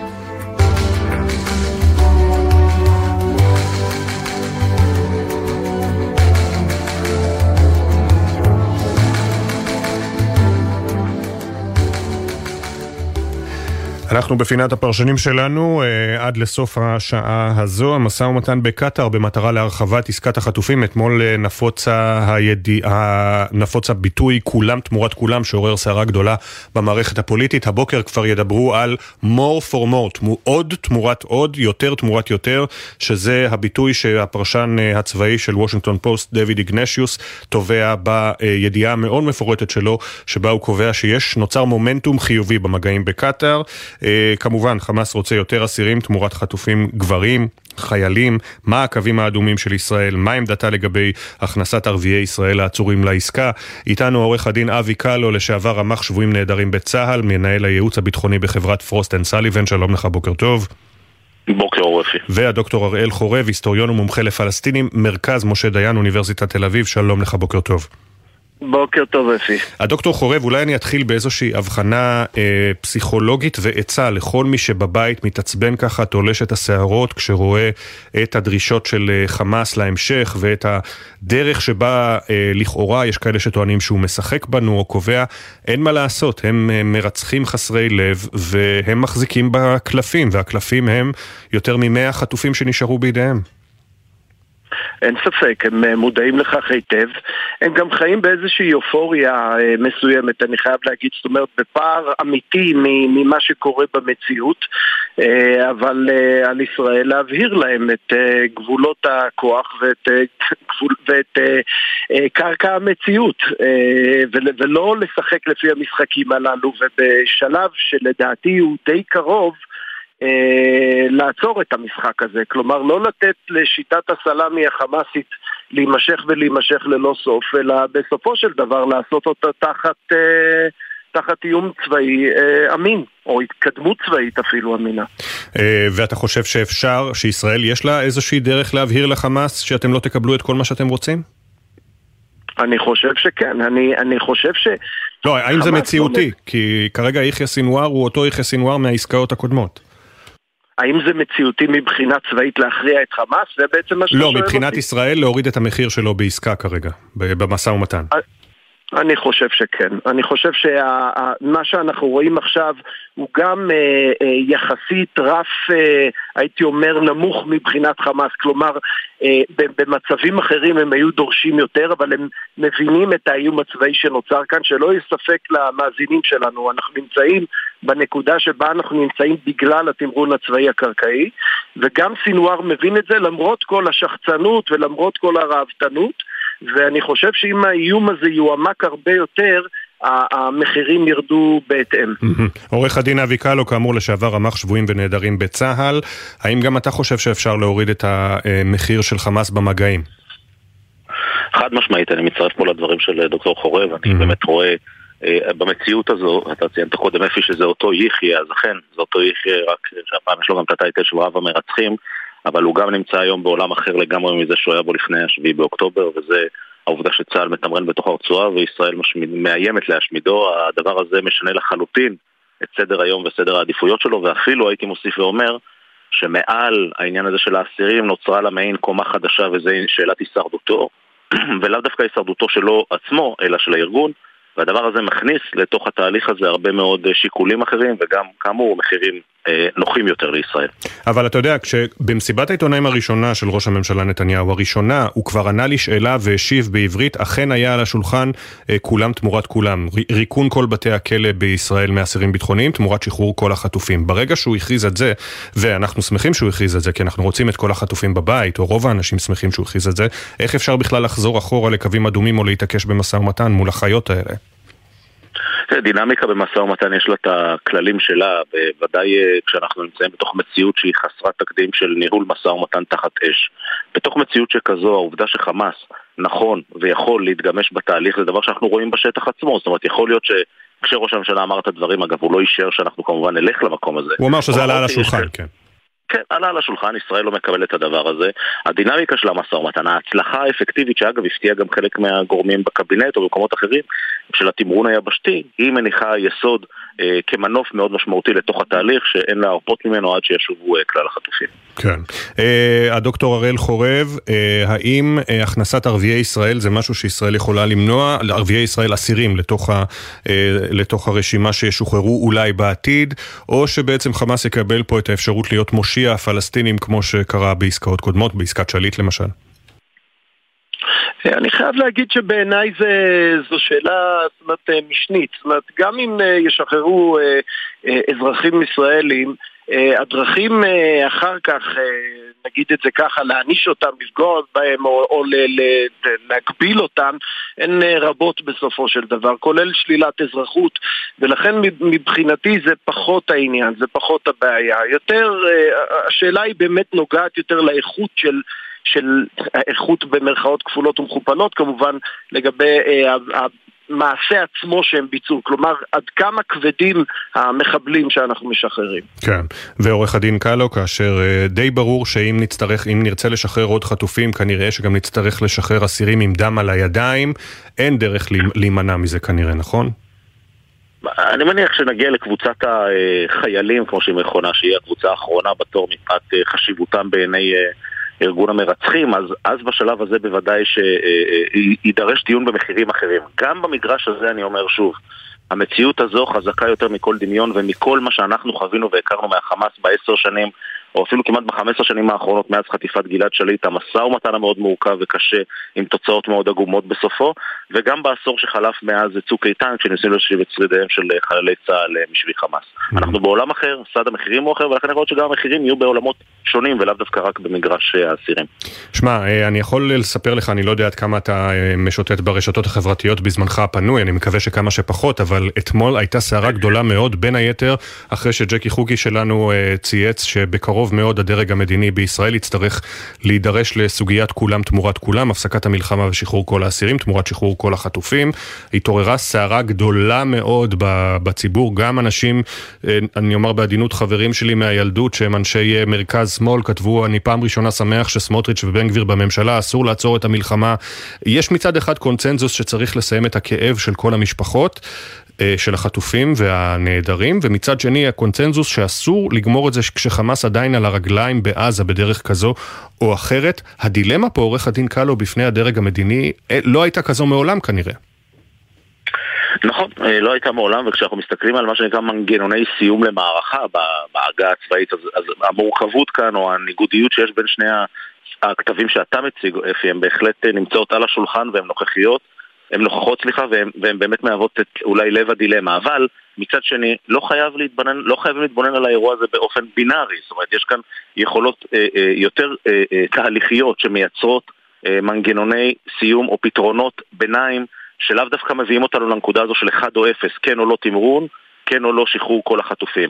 אין, אני לא רוצה להיכנס פה לניואנסים מפאת רגישות הנושא, אבל הדברים האלה בהחלט קיימים, ובתוך סל הכלים הישראלי יש מנעד רחב של חלופות שיכול להניח יסוד לזה שאנחנו נגיע להישג מאוד משמעותי בעולם החטופים גם בקבוצה הזו של החיילים, ומנגד חופש הפעולה של צה"ל יישמר ברצועה בין אם באופן מלא או בין אם בדרכים שהן אה, חלקיות אבל מאוד אפקטיביות אה, בתהליך שאנחנו שמנו לעצמנו כמטרה והוא ללא ספק אה, המטרה המרכזית שלנו הוא השמדת החמאס. כן, ונאמר משהו עוד על הדוקטור חורב, על האנשים שמסביב לדדי ברנע בשולחן הדיונים הבכירים ביותר, ראש ה-CIA וויליאם ברנס, כאמור ראש המוסד דדי ברנע, ראש המודיעין המצרי, ראש ממשלת קטאר בא ויוצא שם מה... מהשיחות, מן הסתם גם ראש המודיעין של קטאר, אנחנו יכולים, אנחנו נעזרים, ישראל נעזרת, אתה מניח שישראל נעזרת בקטאר, מצרים, או שזה ישראל וארצות הברית מול קטאר ומצרים שמייצגות את חמאס?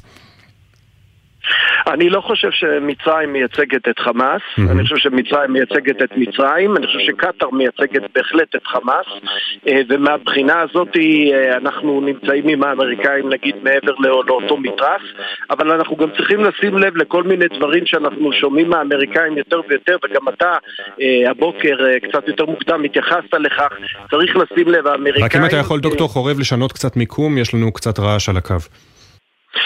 אה, אני מקווה ששומעים אותו יותר טוב. עכשיו יותר טוב, כן. אה, אני, אני אה, מציע לשים לב לשאלת היום שאחרי, האמריקאים מפזרים יותר ויותר רמזים שהם מוטרדים מהשאלה הזאת ושישראל לא מתמודדת עם השאלה הזאת.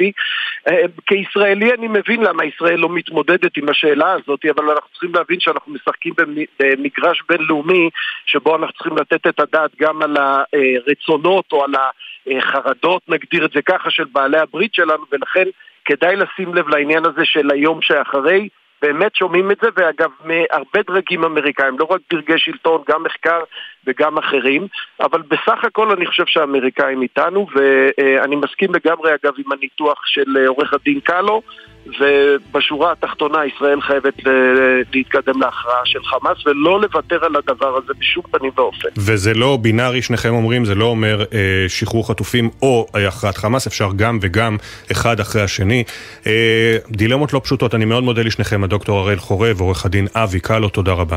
אנחנו יוצאים להפסקה של פחות מדקה, ואחרי השעה השנייה של בוקר טוב ישראל נשמע את כל העדכונים על אה, החטופות ששבו הלילה אלינו, וגם אה, נשמע את העדכון הרפואי שיגיע מבית החולים שיבא בהמשך אה, הבוקר.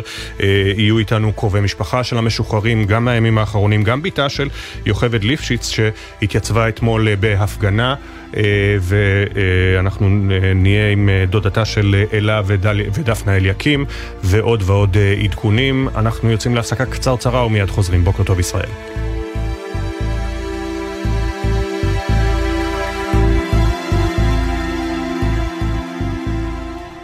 בחסות ביטוח ישיר, המציע דחייה בחודשיים של תשלומי ביטוח הרכב למחדשי הביטוח ולמצטרפים חדשים. ביטוח ישיר, איי-די-איי חברה לביטוח, כפוף לתקנון. אתם מאזינים לגלי צה"ל. אקדימה, לימודי המשך בר אילן. באתר אקדימה ריכזנו למענכם יותר מ-200 קורסים, לימודי תעודה והכשרה. אתר חדש, מתקדם ונוח לחיפוש. זה המעט שיכולנו לעשות כדי שתוכלו להמשיך להתפתח כאנשי מקצוע, כמנהלים, כאנשים. גם בימים אלה. אקדימה, לימודי המשך בר אילן. חפשו בגוגל. אקדימה. רוכבי אופנוע יש גורמים רבים לתאונות אופנוע, אבל בסופו של דבר, החיים שנתונים בסכנה הם שלנו, הרוכבים. אז מה עושים? לוקחים אחריות, עוברים לרכיבה מודעת. למידע נוסף, חפשו אסק רלב"ד.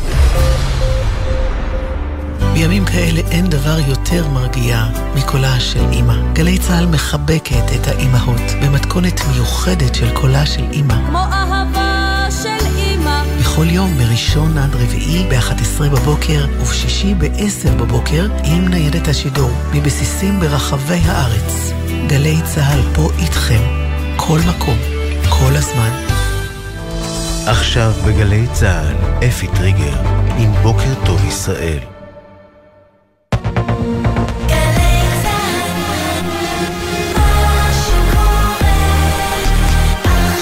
שבע בגלי צה"ל. 12 חזרו הביתה, מחכים לעוד 162. כולנו בהתרגשות, ממש התרגשות רבה, ערב אחרי ערב, בתקווה שזה ימשיך ככה. עשר ישראליות ושני תאילנדים שוחררו אמש מהשבי, גם היום צפויה פעימה נוספת. האם ישראל בדרך להערכה נוספת של הפסקת האש תמורת עוד חטופים? כתבי גלי צה"ל ידווחו ונשוחח עם בת דודתה של עדה שגיא מקיבוץ ניר עוז ששוחררה משבי חמאס, ועם דודתן של אלה ודפנה אליקים ששוחררו שלשום. כיתה אחת, שלושה נופלים. בפעם השנייה זאת אומרת, בוא'נה, זה צירוף מקרים הזוי. בפעם השלישית זה חלאס. כתבנו עוד בראל פגש את החברים מהישיבה של שלושת הלוחמים שנפלו בקרבות ברצועת עזה בהפרש של ימים ספורים. וגם המאמץ בבית החולים אסף הרופא לקלוט את המשוחררים התאילנדים למרות פער השפות. מה שהעברנו להם, תחושה של בית, היא לא ביותר מדי מילים. עינב קרנר כתבתנו תביא את הפרטים. בוקר טוב ישראל. בוקר טוב ישראל עם אפי טריגר. שלום לכם, היום צפויה לצאת לדרך הפעימה השישית של שחרור החטופים. רשימת עשרת השמות כבר נמסרה לישראל ומשפחות החטופים עודכנו. שחרורם צפוי להמשיך באותו המתווה של הימים הקודמים, ובתמורה לשחרור היום, ישוחררו מבתי הכלא בישראל 30 אסירים ביטחוניים פלסטינים. עשר החטופות הישראליות ששוחררו אמש ושני חטופים תאילנדים נקלטו בבתי חולים בארץ. רימון קירשט ומירב טל הוצאו במסוק לבית החולים איכילוב בתל אביב, מצבן יציב. בבית החולים שיבא בתל השומר נקלטו נקלטו יתר השבות והשבים, מיה ליינברג בת ה-17 ואימה גבריאלה, קלרה מרמן, דיצה היימן, תמי מצגר, אופליה רויטמן, עדה שגיא ונורלין אג'וג'ו. בנוסף שוחררו אמש שני חטופים בעלי אזרחות תאילנד, פתנאיות טון סקרי ואוואט סוריאסרי. הם נקלטו בבית החולים אסף הרופא. טלמה אצילי מקיבוץ ניר עוז, שבנה אביו עדיין חטוף, אומרת לבוקר טוב ישראל, טוב לראות את המשוחררות, אבל המאבק לא הסתיים. כיף לראות את החברות האלה חוזרות על הרגליים בקומה זקופה. חברות שלי מאוד מאוד יקרות, ויחד עם זה, כל אחת שחוזרת, מאחוריה נשארים עוד uh, הרבה אחרים. בני הזוג של מירב טל, תמר מצגר ורימון קירש נותרו בעזה. בבית החולים סורוקה בבאר שבע מעדכנים כי חל שיפור במצבה של אלמה אברהם בת ה-84, ששוחררה משבי חמאס ביום ראשון, כעת לא נשקפת סכנה מיידית לחייה. ראש המוסד דדי ברנע, ראש ה-CIA ויליאם ברנס וראש המודיעין של מצרים התכנסו אתמול בקטאר לדון בהארכת ההפוגות והמתווה לשחרור עוד חטופים. על פי דיווח ברויטרס, הבכירים דנו באפשרות לחתום על הסכם חדש שיכלול גם שחרור של חטופים גברים וחיילים. דובר משרד החוץ של קטאר אמר כי המטרה היא לכונן הפסקת אש קבועה באזור. נכון לעכשיו ההפוגה הנוכחית צפויה להסתיים מחר בבוקר, שני הצדדים, ישראל וחמאס, עוד לא הכריזו רשמית על הארכתה. הפרשן הבכיר לענייני ביטחון של הוושינגטון פוסט, דיוויד איגנשיוס, מדווח הלילה בעיתונו כי חלה התקדמות במגעים וחמאס מחלק את החטופים לחמש קטגוריות. גברים המבוגרים מדי לשירות מילואים בצה"ל, חיילות, גברים בשירות מילואים, חיילים בשירות פעיל וגופות ישראלים שמתו לפני ובמהלך השבי. לפי הדיווח, חמאס אומר שעל אף שרבים מהחטופים אה, לא מוחזקים בידיו, הוא יצליח לשחרר את כולם אם יושג סיכום על כך. היום יובאו למנוחות שניים מבין שלושה חיילי צה"ל שאתמול הותר לפרסם כי נהרגו בקרבות ב-7 באוקטובר וגופותיהם נחטפו לרצועת עזה. סמל קיריל ברודסקי, בן 19 מרמת גן, שירת כחפ"ק מפקד חטיבה, הוא יובא למנוחות בשלוש אחרי הצהריים בבית העלמין הצבאי בקריית שאול. הלווייתו של סמל ראשון תומר יעקב אחימס, בן 20, ששירת כקשר מפקד חטיבה, תיארך בשתיים אחר הצהריים בחלקה הצבאית ביישוב להבים, שבו נולד. חברו הטוב נועם נפרד ממנו בשיחה עם בוקר טוב ישראל. אין, אין אנשים כאלה. בן אדם שאפשר לדבר איתו, הייתי מספר לו הכל. פעם אחרונה שראיתי אותו אה, הייתה בש... באותו שבוע, ביום שני, רק שלא ידעתי שזה הפעם האחרונה שאני רואה אותו בחיים. אתמול נקבע מותו של סמל שקד דהן, בן 19 מעפולה, לוחם בגדוד 77 בחטיבה 7, שנפל גם הוא ביומה הראשון של המלחמה, וגופתו בידי חמאס. בשלב זה לא תיערך לו הלוויה. בגרמניה מדווחים על עלייה של יותר מ-320% במספר התקריות האנטישמיות מאז פרוץ המלחמה בישראל. לפי האגודה הפדרלית של המחלקות למחקר ומידע על אנטישמיות בגרמניה, בחודש אחד נרשמו 994 תקריות אנטישמיות. השבוע ביקר בישראל נשיא גרמניה, פרנק ולטר שטיינמאייר, וסייר עם הנשיא הרצוג בעוטף עזה.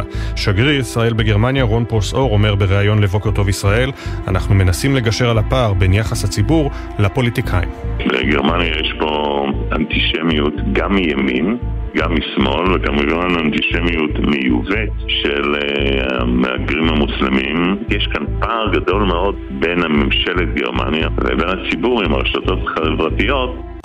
עכשיו העדכונים מגלגלצ.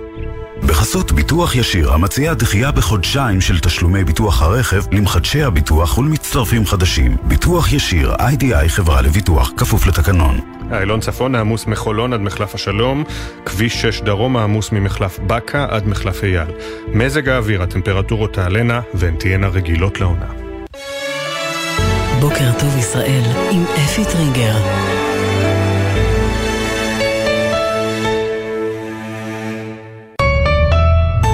706, גלי צה"ל, בוקר טוב ישראל. מצד ימין מחבל חמאס, מצד שמאל מחבל הג'יהאד האיסלאמי. מאחור המון עזתי רועש, באמצע מיה ליימברג בת ה-17 מחבקת את כלבת השיצו הקטנה בלה, שנחטפה עימה לעזה ב-7 באוקטובר. את הפחד, החשש אפשר לראות על פני שתיהן. במשך 53 יום, משפחתה של מיה לא ידעה לאן נעלמה הכלבה האהובה. הם לא נחו וחיפשו אותה. אתמול התברר שבתוך מדורי הגיהנום בשבי בעזה, מיה הצליחה ליצור אי של אנושיות, של שפיות. אנחנו דנים רבות בתמונת הניצחון, איך היא תיראה, מתי היא תגיע. היא כאמור רחוקה, אבל זו בינתיים תמונה של ניצחון הרוח. עוד מעט, כל הפרשנויות והדיווחים, אבל קודם, סיכום היממה החולפת בקולות. צה"ל ובתוכו גם אגף המודיעין כשל באירועי השבעה באוקטובר. יהיו תחקירים נוקבים כעת. עלינו להתמקד בלחימה. אין, אין אנשים כאלה. הייתי מספר לו הכל. פעם אחרונה שראיתי אותו אה, הייתה באותו שבוע, ביום שני, רק שלא ידעתי שזה הפעם האחרונה שאני רואה אותו בחיים. 53 ימים בעזה שאנחנו לא יודעים על מצבם, חמאס חטף אותם וחמאס מחויב להחזיר אותם במיידי. חמאס, האם אלו האויבים שלכם? שמענו היום את העדויות המזעזעות כיצד איתן בן ה-12 אולץ לצפות בסרטוני זוועות והוכה על ידי מחבלים. עדותו של איתן ממחישה שחמאס הוא ארגון טרור אכזרי שלא מאפשר לצלב האדום לבדוק את מצבם של החטופים. Um,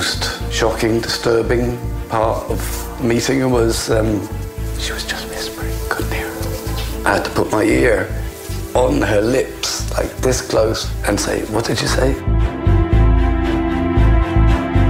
קיבלנו חמש נשים מהקיבוץ, ואנחנו כולנו בהתרגשות, ממש התרגשות רבה, ערב אחרי ערב, בתקווה שזה ימשיך ככה.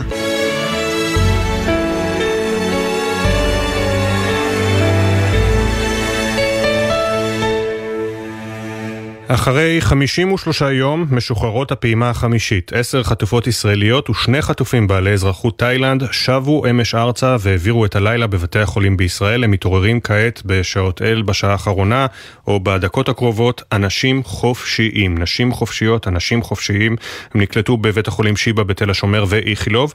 בבית החולים אסף הרופא נקלטו החטופים התאילנדים. יואלי ברים, כתבנו נמצא הבוקר בבית החולים שיבא. בוקר טוב יואלי. בוקר טוב אפי, כאן מבית החולים שיבא במתחם המיוחד שהוקם למען אותן משוחררות שהגיעו לכאן אתמול. מיד אנחנו נקבל את המידע הרפואי הראשוני מפי פרופסור איתי פסח, מנהל המרכז הרפואי לילדים בשיבא. הצהרתו תתקיים ממש בעוד מספר דקות, כמו שאמרנו, אודות מצבן של המאושפזות שהגיעו אמש לכאן במסוק. צריך לומר, חלק גדול מאותן משוחררות בגילים מתקדמים, אם זה דיצה היימן בת ה-84 מניר עוז, שאנחנו יודעים ממשפחתה שהיא הייתה זקוקה לטיפול רפואי תרופתי, או תמי מצגר בת ה-78, שבוודאי להיות מוחזקת בתנאי מלחמה ב- ב- ב- בתוך הרצועה, בתור, אה, אה, מצריך בדיקות אה, מקיפות. יש כאן עוד נשים. אה, כמו אה, אה, אופליה רוטמן ועדה שגיא, שגם הן בשנות ה-70, ה-70, חלקם ה-70 המאוחרות. מה שכן קיבלנו זה מידע אודות מצבן, אודות, על מירב טל ורימון קירשט, ששוחררו גם הן אתמול ואושפזו בבית החולים איכילוב, שפרופסור דוד זלצר, סמנכ"ל לענייני רפואה דחופה בבית החולים איכילוב, התייחס להגעת אותן שתי נשים ואמר שבסך הכל מצבן הגופני יציב, והן עוברות בדיקה רפואית ראשונית כרגע. אז ממש בעוד זמן קצר יחל פרופסור פסח לדבר. אנחנו יכולים להגיד שגם הכלבה, בלה, שהייתה שייכת למאיה, למאיה בת ה-17 שנמצאת כאן מאושפזת בבית החולים שיבא, טופלה על ידי ויטרינר שהגיע במיוחד לבית החולים. תמונות שפורסמו אתמול בהן רואים את מאיה ובזרועותיה הכלבה שלא הייתה מוכנה לוותר עליה גם כשהיא נחטפה ריגשו רבים. כאמור אלו הדברים. לבינתיים אנחנו נמתין אה, אה, להצהרה של אה, פרופסור פסח. כמובן, ונחזור אליך הליך שהיא תתקיים. תודה רבה, יואלי בינתיים. מתווה הפסקת האש ושחרור החטופים אמור לפוג מחר בבוקר. בקטאר יתקיימו שיחות על המשך אה, ההסכמה או המערכה. ראש המוסד דדי ברנע, ראש ה-CIA וויליאם ברנס, ראש המודיעין של מצרים, מת, התכנסו גם היום בדוחה. דובר משרד החוץ של קטאר כבר הכריז שהמטרה היא לכונן הפסקת אש קבועה באזור. פרשננו לעניינים ערביים, ג'קי חוגי, האם קטאר מנסה להשיג עבור חמאס חנינה? ג'קי, בוקר טוב. ייתכן בהחלט, אפי, נכון, הצדדים שם התכנסו כדי להחליט בעצם מה עושים החל מיום שבת, עד אז יש הפוגות, המטרה של קטאר זה לגרום לישראל להאריך עוד יותר את הפסקת האש, לא בטוח שיש בידי חמאס חטופים אזרחים לשח... לשחרר אותם בשבוע הבא, חמאס מוכנים, מוכנים לתת גם חיילים, אבל תמורתם הם רוצים אסירים ביטחוניים, לכן הקטרים בדקו אפשרות להציע לשני הצדדים פשרה, ישראל תפסיק את המלחמה או תאט אותה אותה בקצב משמעותי, ובתמורה חמאס ישחררו את כלל החטופים, גם החיילים. ככה חמאס תזכה בחייה בחזרה, תמורת החיילים, אבל היא תיאלץ לוותר על השאיפה שלה לשחרר אסירים ביטחוניים, אפילו הם רוצים לשחרר את כל האסירים הביטחוניים, אלפים. לכל אחת, לכל צד יש קושי עם, עם ההצעה הזאת. ישראל זה אומר שהיא לא ממשיכה עד להשמדת חמאס כמו שהיא אה, רצתה. חמאס זה אומר שיבוש אה, לחלוטין של התוכנית שלה לנקות את אה, בתי הכלא מאסירים ביטחוניים. אלה רעיונות שהיו שם בדוחה על השולחן. הקטרים, כמו שאמרת, אומרים בגלוי, המטרה שלנו היא להפסיק את המלחמה, לעשות הפסקת אש קבועה. חמאס בינתיים משדרים ממש ביטחון עצמי. אתמול אתה ראית איך הם מפרים את הפסקת האש וטוענים, טומנים מערב אה, לכוח צה"ל בעזה במכוון. ראית את אוסאמה חמדן, הנציג שלהם בלבנון, עומד מול המצלמות ומשבח את ההישגים שלהם. וראית גם את אותו מפגן נטול בושה של שחרור חטופות ביחד עם הג'יהאד, כשהכל מצולם ומופץ עם קהל שמריע. תשמע את אה, בכיר חמאס אוסאמה חמדן על היום שאחרי הפסקת האש. أما بخصوص قادته السياسيين والعسكريين باستمرار الحرب في غزة تهديدا بعد الانتهاء من اتفاق التهدئة فإنه تهديد فارغ للاستهلاك الداخلي הוא מדבר על ההנהגה הישראלית, הצבא והדרג המדיני, ואומר, האיום להמשיך במלחמה אחרי הפסקת האש הוא איום נבוב שנועד לתצרוכת פנימית, כלומר הצהרות פוליטיות בישראל, זאת המטרה, לא רציניות לשיטתו, מבחינתם אין חזרה למלחמה, אפי. תודה ג'קי. תודה. אז מבחינתם אין חזרה למלחמה, כמובן בישראל לא מוכנים לשמוע על זה. בינתיים העיניים נשואות לפעימה השישית של שחרור החטופים שאמורה להיערך הערב. כאמור הרשימה כבר נמסרה לממשלה, המשפחות עודכנו, כלומר זו רשימה תקנית כמו אתמול. כתבנו המדיני יניר קוזין, מה אומרים בצד שלנו על המגעים להמשך ההפוגה? בוקר טוב. שלום אפי, בוקר טוב. כן, אז לגבי הרשימה אה, התקנית, באמת צריך לראות, כי מתוך הרשימה התקנית יכולות, יכולות להיות רק נשים, אה, ולא בטוח שיהיו ילדים, אבל אתמול, וזה צריך לשים את הדגש על כך, דוברו, דובר גם בדרג המדיני על כך שישראל מתעקשת שבפעימה השישית, שצפויה להיות לכאורה הפעימה האחרונה לפני שמאריכים שוב את הפסקת האש, הולכים למתווה חדש, שבפעימה הזאת יהיו כמה שיותר ילדים, וזה באחריות חמאס, כך אומרים בדרג המדיני. אנחנו במהלך היום ננסה להתעדכן לגבי הרשימה. הרשימה. עכשיו לגבי הדיונים שג'קי ציין ושוחחתם עליהם עכשיו. אז תראה, אה, דדי ברנע נסע לשם ואת זה מאשרים גם בישראל כדי לנסות ולייצר כאן מתווה חדש. כלומר, מתווה של שחרור גם של חיילים וגם של גברים מבוגרים בתמורה למחיר אחר, שכמובן יגיע מצד החמאס. זה לא יהיה עוד פעם שלושה, אה, שלוש אסירות או אסירים קטינים תמורת חטוף, אלא אסירים בוגרים. ישראל במידה מסוימת מוכנה לעניין הזה. השאלה היא כמובן מי הם יהיו האסירים, עד כמה דם על הידיים יהיה להם, איזה הרשאות יהיו להם, הדברים האלה נידונים. בכל מה שקשור לעסקה רחבה שכוללת הפסקת אש, או עסקה שכוללת את שחרורם של כל המחבלים, הדברים האלה בישראל אומרים לא על השולחן, לא על הפרק בכלל. אנחנו ממשיכים ואנחנו נמשיך גם את המבצע הצבאי, את המערכה הצבאית, ולכן הדיבורים הללו הם בעיקר הצעות שמגיעות מצד קטר, אולי בתמיכה גם של המצרים, אבל בישראל, לפחות בשלב הזה, אפי אומרים, לא יקום ולא יהיה, בטח לא איזושהי עסקה כזאת רחבה שכוללת גם את זה וגם את זה, או אפילו לא את זה ולא את זה. כלומר, לא שחרור מחבלים ולא הפסקת האש. מנסים לייצר כאן מתווה חדש, זה כן, בדיבורים. יכול להיות שהמחירים יהיו פה הרבה יותר גבוהים, אפי, ונזכיר שזה מצריך גם את אישור הממשלה, ושם יש לא מעט גורמים כמו איתמר בן גביר וסמוטריץ' שיכולים להרים קשיים. בהחלט, תודה יניר קוזין, כתבנו המדיני. ממש אוטוטו מתחיל בדבריו הפרופסור אה, איתי סופר, אה, ו...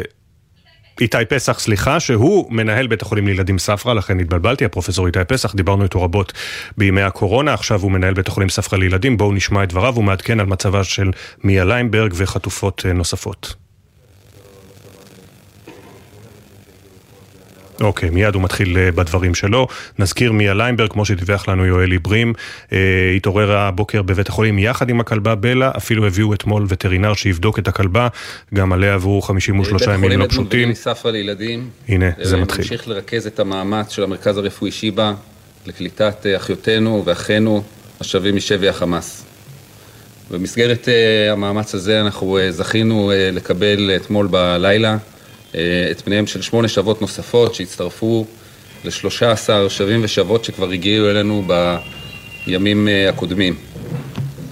השבות היקרות שקיבלנו אה, הלילה הן קבוצה של אה, נשים מדהימות, חזקות, מרשימות מאוד, מלח הארץ הזו, שעמדו בגבורה עילאית בתלאות השבי. השבות התקבלו בחיבוק גדול שלנו ושל בני המשפחה שלהם. הן אה, מלוות על ידי צוות יהודי, בעיקרו של נשים מובילות בתחום שלהם, הטובות שברופאות, באחיות, העובדות הסוציאליות, הפסיכולוגיות, ועוד צוות רחב אה, שכולם אה, וכולן התכוננו לרגע הזה אה, וכל כולן מסורות לסייע ולרפא את פצעיהם הפיזיים והנפשיים של השבות ושל השבים. השבות עברו הערכה ובדיקה רפואית מקיפה במהלך הלילה. חלקן סובלות ממחלות רקע מורכבות וחלקן סבלו ועדיין סובלות מפציעות שספגו כאשר נחטפו וגם אה, אה, סבלו מהן במהלך ימי השבי. מצבם הרפואי מורכב, הם יזדקקו עוד להרחבה של הבירור והטיפול הרפואי, אה, אבל כולם יציבות אה, ולא נשקפת סכנה מיידית אה, לאף אחת מהן. הן מטופלות במתחם יהודי שהקמנו לצורך העניין, לכבודן, ונותן להם את התאים המיטביים להחלים לרווחתם ולרווחת משפחותיהן היקרות שיישארו איתם ככל שיידרש. נוסף עליהם הופתענו ושמחנו מאוד לקבל את פניה של הכלבה בלה, כלבה של מאיה, שהיא ילדה אמיצה ומדהימה, כלבה אמיצה ומדהימה. אה, גם אה, בלה עברה אתמול הערכה רפואית על ידי הווטרינר של בית החולים, וגם מצבה טוב. אה, אנחנו ממשיכים ללוות אותה, ממשיכים ללוות גם את המשפחות והשבים האחרים שהגיעו אלינו לפני כן. השבות והשבים ימשיכו לשהות כאן בבית החולים ככל שיידרש. ואנחנו נמשיך לטפל בהם ולתמוך בהם גופנית ונפשית. הימים האלה זה ימים קשים ומורכבים ומטלטלים עבורנו אנשי הצוות. אנחנו גאים על יכולתנו לקחת חלק במשימה הלאומית אה, החשובה כל כך של הטיפול בשווים שיקרים לכולנו. התחושות שלנו נעות בין אה, שמחה והתרגשות לנוכח המפגשים המרגשים של השבות עם בני המשפחה שלהם והשמחה של החזרה שלהם, לבין אה, כאב לעצב ולפעמים אפילו לחלחלה עמוקה לנוכח הסיפורים הקשים שאנחנו אה, נחשפים אליהם. כן, ככה פרופסור איתי פסח בבית החולים שיבא, הוא מנהל בית החולים לילדים ספרא, שמרכז את הטיפול בחטופים וחטופות. אתמול הגיעו רק חטופות שמשוחררים משבי אה, חמאס. הוא מעדכן שהם עברו בדיקה רפואית, לא נשקפת סכנה לחיי אף אחת מהן. חלקן סובלות מפציעות שנגרמו כתוצאה מהחטיפה, והן אה, דורשות, אה, יידרשו לטיפול רפואי נוסף, טיפול מורכב, אבל מצבן טוב, יציב, לא נשקפת סכנה לחייהם. מצטרפת אלינו עכשיו דרורה נבוני. בת אה, דודה של עדה שגיא, בת ה-75, ששוחררה אמש מהשבי עדה שגיא אה, מניר עוז, אפילו נאבקה במחבלים שפשטו על הקיבוץ, אה, איבדה דם רב בממ"ד, בסופו של דבר נחטפה וחזרה אתמול. שלום דרור הנבון, בוקר טוב. בוקר טוב, בוקר טוב. איזה אושר בקול שלך. כן, באמת אושר, אושר גדול. אושר גדול היה לראות את עדי, אנחנו קוראים לה עדי במשפחה, צועדת על הרגליים שלה. אנחנו לא היינו בטוחים שזה יקרה, מכיוון שאנחנו יודעים שהיא נאבקה בממ"ד, היא נאבקה במחבלים, היה שם על, ה, על הרצפה כתמי דם מאוד גדולים, ולא ידענו מה מצבה. עד לפני שבועיים היא הייתה נהדרת. רק לפני שבועיים נודע לנו כי היא חטופה וקצת נגול האבן מליבנו. אבל הדרך עוד, עוד ארוכה, כנראה. ראיתם כאמור את כתמי הדם, חששתם, ופתאום את רואה אותה הולכת על הרגליים. כן, כן, זה היה, זה באמת היה האושר הגדול שלנו, לראות אותה עומדת על הרגליים, אמנם נתמכת, אבל הולכת. אה, ספרי לנו על אה, עדה. אני ממקימי קיבוץ ניר עוז. היא בחורה מדהימה, היא פשוט, היא הייתה מורה ללשון ומורה לערבית, היא מאוד מוערכת בקיבוץ, היא מוכרת מאוד בקיבוץ, כולם אוהבים אותה, אוהדים אותה, היא אישה של נתינה, אישה, אישה של ערכים, מלח הארץ, באמת מלח הארץ, עם עוצמות נפש ותעצומות נפש. באמת רק להעריץ ולהעריך על האומץ ועל, ועל ה, באמת על זה שהחזיקה מעמד. כמובן. אה, אנחנו מבינים שהיא אה, התאלמנה מבעלה לפני כשנה. נכון, נכון. לפני כשנה, והיא אם לשלושה, סבתא לשישה. נכון, נכון, נכון. יש לה שלושה ילדים מדהימים שנאבקו פה באמת עשו פה עבודה נהדרת. התראינו בכל כלי תקשורת אפשרי. הבן שלה שעובד במשרד פרסום עשה את הצמיד שמכרו אותו בשופרסל. אה, הבן שלה הנוסף גר בלונדון ונפגש עם רישי ונאם כיכר טופלגר ועשה מאמצים עילאיים, התראיין בכל כלי תקשורת אפשרי ובאמת אני חושבת שהם עשו את המקסימום שהם יכולים כדי באמת להביא לתוצאות הכי טובות. ועכשיו אה, הם אה, עוטפים אותה כמובן עם חזרתה כאן, וגם את אה, עוד כמה ימים תוכלי לפגוש אותה. בהחלט. האופי שלה חזק, אנחנו מניחים על פי הסיפור שהיא נאבקה במחבלים, אז סביר להניח שיהיה לה מה לספר, אבל גם אתם תשמעו ממנה, היא תחזק אתכם, כמו שאומרים. ברור, היא תחזק אותנו ואנחנו נעטוף אותה, כן. עד כמה ירדה לך אבן מהלב אתמול דרורה?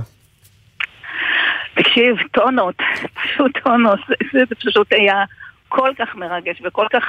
אי אפשר לתאר את זה במילים, השפה העברית צריכה כבר למצוא מילים לכל הרגשות שאנחנו, קשת הרגשות שאנחנו לא יודעים היום לבטא אותם אפילו. כן. באמת. כי הזכרנו גם, כן. באמת הזכרנו את כתמי הדם בממ"ד, וגם היא לא הופיעה בשום סרטון של חמאס מאז. לא ראינו כי בקיבוץ ניר עוז הם היו החטופים הראשונים. אני באותה שבת ארורה התכתבתי איתה בשעה תשע, בתשע עשרים וארבע היא כבר לא הייתה. הבנתי שכבר משהו קורה שם, היא לא ענתה והקיבוץ הזה התרוקן, עד שעה שתיים כבר לא היה אף אחד בקיבוץ. אז עוד לפני שהעלו את הסרטונים והכל, הם לא, הם, היא פשוט לא, לא ראו אותה. אגב, מה היה. בהודעה האחרונה שקיבלת ממנה? מה היא כתבה? אני שאלתי אותה, עדי, את יודעת שיש, אני רואה בטלוויזיה שיש מחבלים בחוץ, היא אומרת לי, עכשיו ועדת חקירה. זה מה שהיא כתבה לי. זה מה שהיא כן. כתבה. כן, אז זה מראה על החוסן שלה, אתה רואה? זה מראה על הרציונליות שלה, על האישה שהיא באמת מלח הארץ. בהחלט. דרור הנבון, בת דודה של אה, עדה שגיא, עדי, כמו שאתם קוראים לה, ששוחררה אמש מהשבי, תודה רבה שסיפרת לנו עליה, שהצטרפת אלינו, ואנחנו שמחים בשמחתכם. תודה רבה, תודה שכולם ישובו בשלום הביתה, תודה. עדה שגיא נחטפה מביתה בניר עוז. אה, אם לשלושה, סבתא לשישה, בעלה אה, נפטר לפני כשנה, מורה ומחנכת בפנסיה, והיא אה, לא הייתה מתועדת בסרטונים של חמאס מאז 7 באוקטובר. בני משפחתה ידעו שהיא נאבקה במחבלים, שהיא נפצעה, ושמענו גם מהפרופסור איתי פסח שמצב כל החטופות הוא יציב. יציב ולא נשקפת סכנה לחייהן. עד השגיא אחת מעשר החטופות ששבו אמש לישראל. אז uh, השעה עכשיו 7.24, ההפוגה באש אה, נכנסת ליומה השישי. והמגעים להערכתה נמשכים, אבל למעשה אתמול חמאס הפר את ההפוגה. שלושה מטענים הופעלו בשני מקרים שונים בצפון הרצועה, סמוך לכוחות צה"ל. חיילים נפצעו קל, וכתבנו לענייני צבא וביטחון דורון קדוש בצה"ל החליטו להסתפק בהשבת אש, לא בשבירת הכלים בנוגע להפרה הזו. שלום דורון. שלום אפי, נכון, ישראל למעשה לא הגיבה על אה, הפרת הפסקת האש מצד חמאס אתמול ופציעתם של חמישה לוחמי צה"ל בשטח רצועת עזה. אנחנו מדברים אפי על הפעם הראשונה בחמשת הימים האחרונים שבה הופרה הפסקת האש מצד חמאס כשמחבלים הפעילו מרחוק שלושה מטענים על כוחותינו בשתי תקריות שונות. האירוע הראשון באזור בית החולים רנטיסי, בדיוק כשהכוחות עלו על הכלים הממוגנים, שני מטענים התפוצצו אחד אחרי השני על טנק ועל נגמ"ש, לוחם אחד נפצע קל, ובאירוע נוסף מטען הופעל על כוח מילואים ופצע ארבעה לוחמים קל, וגם ירי התבצע לעבר הכוח. ההחלטה הישראלית אפי כאמור, להבליג על האירועים, לא לתקוף בתגובה יעדי חמאס, כדי לאפשר את המשך הפסקת האש והמשך מתווה שחרור החטופים. ובינתיים גם תוך כדי ההפוגה דורון, החדשות ממשיכות להגיע וממדי אסון השבעה באוקטובר ממשיכים להיחשף. אתמול הותר לפרסום ששלושה חיילי צה"ל נפלו בקרב באותו יום נורא בשבת השחורה וגופותיהם מוחזקות בידי חמאס. נכון, זה תהליך אה, מורכב ולא פשוט להכריז על חלל צה"ל שחטוף בידי ארגון טרור, כי נדרשים ממצאים ודאיים וחד משמעיים לכך שהוא אינו בין החיים, ולאחרונה התגלו ממצאים כאלה שאפשרו לאחר דיונים מעמיקים להכריז על שלושה חללי צה"ל שנפלו בקרבות ב-7 באוקטובר, ומאז הם מוחזקים בידי חמאס בעזה. סמל ראשון תומר יעקב אחימס, בן 20 מלהבים, קשר מפקד חטיבה. סמל קיריל ברודסקי, בן 19 מרמת גן, חפ"ק מפקד חטיבה, וסמל שקד דהן, בן 19 מעפולה, לוחם בגדוד 77 בחטיבה 7 של השריון. נגיד אפי שההחלטה להכריז על שלושתם כחללים שמוחזקים בידי ארגון טרור. זו החלטה שהתקבלה על ידי הרב הצבאי הראשי על בסיס בחינה של כל הממצאים. הממצאים שאותרו מאפשרים גם להביא לקבורה של שניים מהם, והיום בשעות הצהריים תתקיימנה הלוויותיהם של תומר יעקב אחימס וקיריל ברודסקי, זיכרונם לברכה. תודה, דורון. תודה. ובכך, אחרי שבועות ארוכים של חוסר ודאות שבהם הוגדרו נעדרים, משפחותיהם האוהבות של שלושת החיילים אה, התבשרו שהם נהרגו בלחימה ומוגדרים כעת חללי צה"ל חטופים בידי ארגון טרור. כיום, כאמור, היום תארכנה שתי הלוויות. כתבתנו שירה שפי שוחחה עם קרובים שהם מתקשים להיפרד.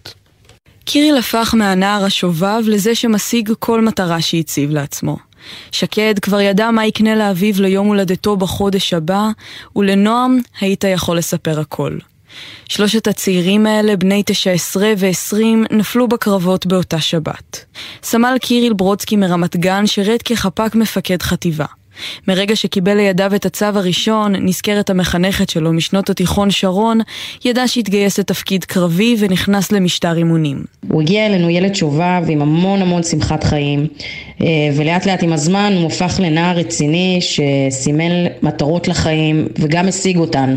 בן מאוד טוב להורים שלו. בבית הכנסת במגדל העמק התכנסו אמש משפחתו וקרוביו של סמל שקד דהן מעפולה, שלחם בגדוד 77 בחטיבה 7. בטקס הפרידה אביו שמעון פנה לבנו והבטיח לו שזיכרונו ימשיך לפרוח בלבבות כל אוהביו. שלושה ימים לפני השבת השחורה נזכרת ואמרת אבא אני לא אשכח לקנות לך את הבוסר האהוב עליך והבנתי את זה באהבתך התמימה והמקסימה ידעת שלא תשכח ונעקרת שקד אך השארת משפחה, אחים, חברים וחברות שימשיכו לנטוע את זיכרונך לעד. סמל ראשון תומר יעקב אחימס מלהבים שירת כקשר מפקד חטיבה ונפל כשהוא בן עשרים. בשביל נועם חברו לנשק, שהפך לחבר נפש, תומר היה האיש שאפשר להגיד לו הכל, בלי לחשוש שישפוט אותו לרעה. חבר טוב, בן אדם שאפשר לדבר איתו, הייתי מספר לו הכל. פעם אחרונה שראיתי אותו, הייתה באותו שבוע, אני בדיוק יצאתי לבית ובדיוק הוא ראה אותי הולך עם התיקים ואמרתי לו שלום, רק שלא ידעתי שזה הפעם האחרונה שאני רואה אותו בחיים. הוא יובא למנוחות היום בשעה שתיים בחלקה הצבאית בבית העלמין ביישוב מולדתו להבים. הלווייתו של סמל קיריל ברודסקי תיארך בשעה שלוש אחר הצהריים בבית העלמין בקריית שאול.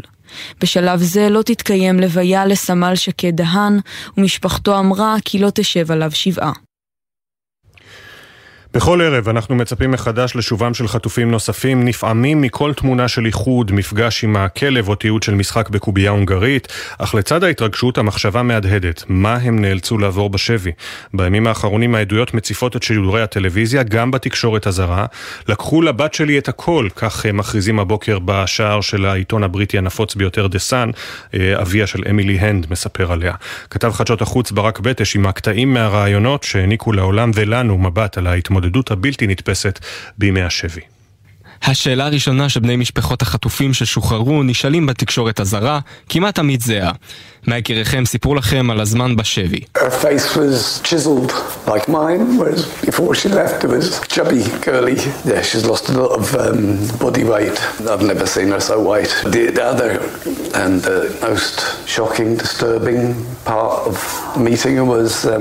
She was just whispering, couldn't hear.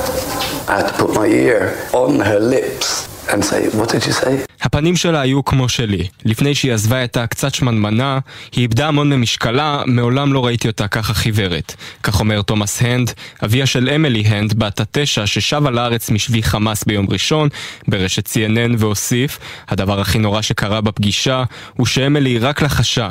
הייתי צריך לשים את אוזני על שפתיה כדי להבין מה היא אמרה. איתי רביב, בן דודו של אוהד מונדר, בן התשע, ששוחרר גם הוא משבי חמאס ביום ראשון, שיתף ברשת CBC את תחושותיו של אוהד. We learned that they didn't even know the, the scale of everything that happened in Israel on October 7th and what exactly happened. So they told us they were given uh, some food, not a lot. Sometimes there was food, sometimes there wasn't. They don't know where they were exactly. They were moved from place to place. They didn't take any shower.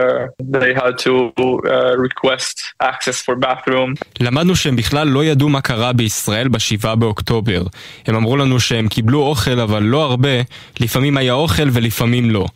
הם לא ידעו היכן הם בדיוק, הזיזו אותם ממקום למקום, לא הייתה להם מקלחת והם היו צריכים לבקש אישור ללכת לשירותים ולהמתין עד שיאשרו להם.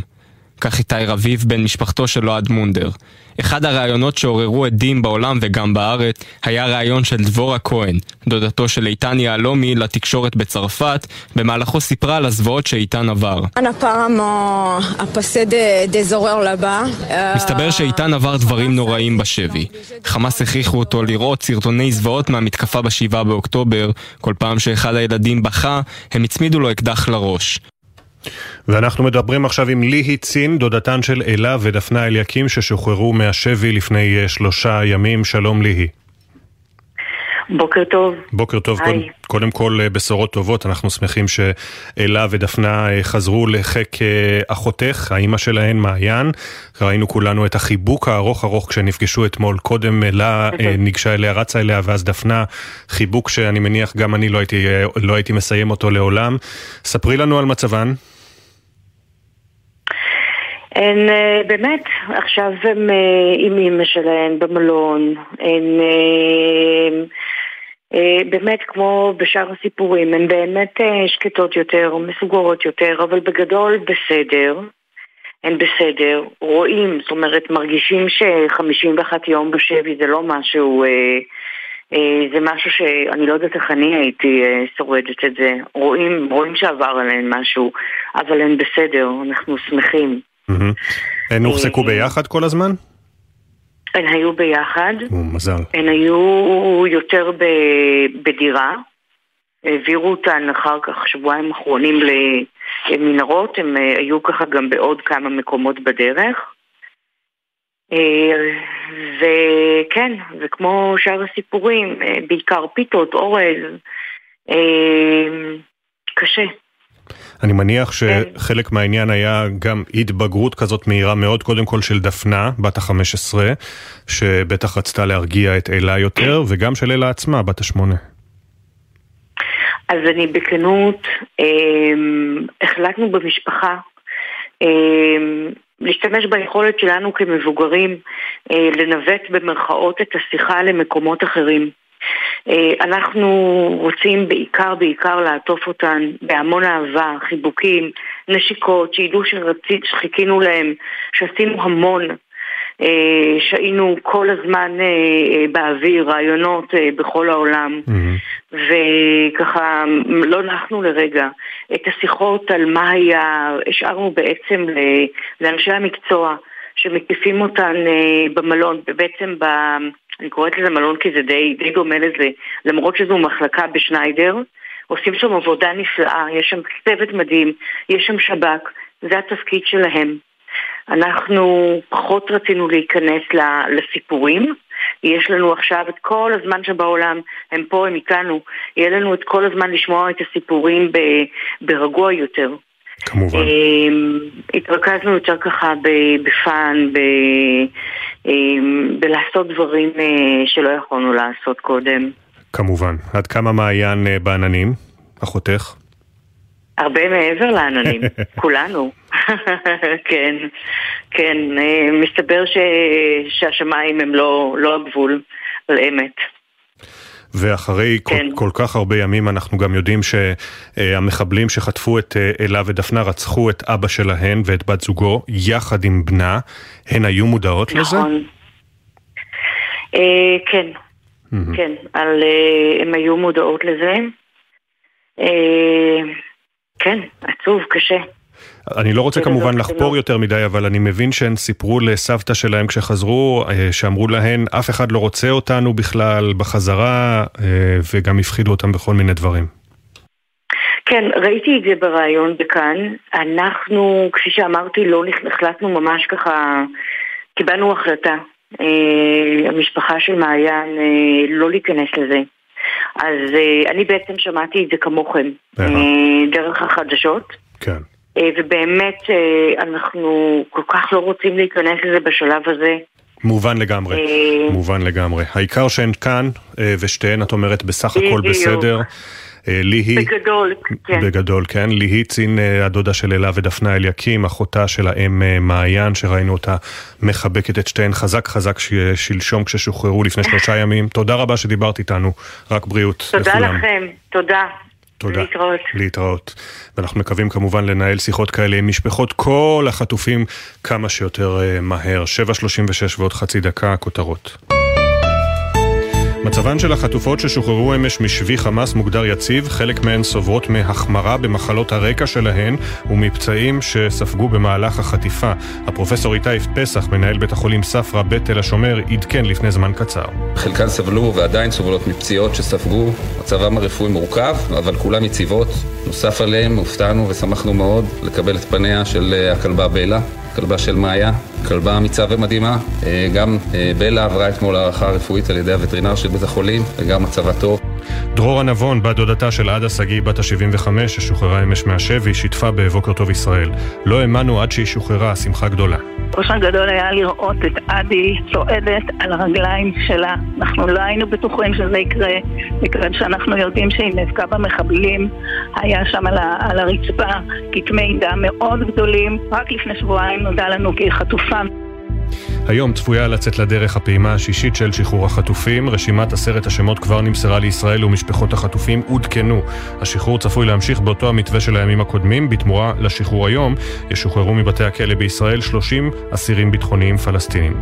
ראש המוסד דדי ברנע, ראש ה-CIA ויליאם ברנס וראש המודיעין של מצרים התכנסו אתמול בקטאר לדון על הארכת ההפוגות והמתווה לשחרור עוד חטופים. גורם המעורב בדיונים אמר לרשת CNN, אם הפעימה היום תתבצע כמתוכנן, הפסקת האש תוארך ב-24 שעות נוספות. חשד לרצח ברהט, צעיר בן 22 נורה הלילה למוות בנסיבות הנחקרות עתה במשטרה. צוות מגן דוד אדום קבע את מותו. עדכוני תנועה מאולפן גלגלצ, איילון צפון העמוס מיוסף טל עד מחלף ארלוזורוב, איילון דרום העמוס משבעת הכוכבים עד מחלף השלום, כביש 6 דרום העמוס ממחלף בקה עד מחלף אייל. מזג האוויר, הטמפרטורות תעלנה ותהיינה רגילות לעונה. נצא ל-79 שניות של הפסקה בלבד, ואחריה כיתה אחת שלושה נופלים, הוד בראל יביא את הסיפור. בוקר טוב ישראל, מיד חוזרים. בחסות זאפ, המזמינה אתכם לנובמבר ישראלי, איירפוד 2 של אפל ב-499 שקלים, ועוד עשרות אלפי מוצרים במחירי זאפ ובקנייה ישירה.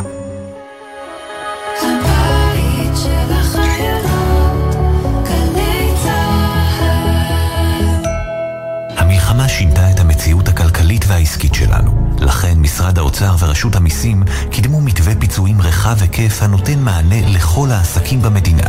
הפיצויים ישולמו לעומדים בקריטריונים לפי עומק הפגיעה והיקף הפעילות העסקית. עסקים ביישובי ספר, עסקים ביישובים הנתונים להגבלות מחמירות וממושכות, ושאר העסקים ברחבי הארץ. למידע על מתווה הפיצויים ולהגשת תביעה, היכנסו לאתר רשות המיסים.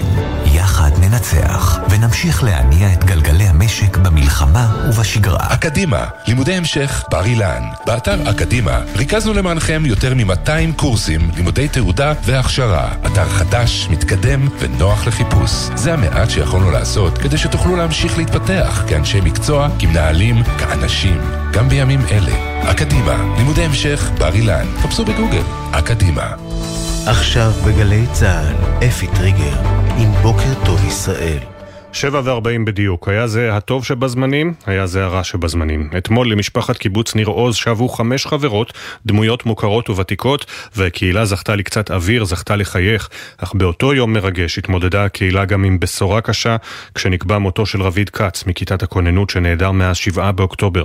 כתבנו שי ישראל ליווה את קהילת ניר עוז ביום השמח והעצוב בבית המלון באילת.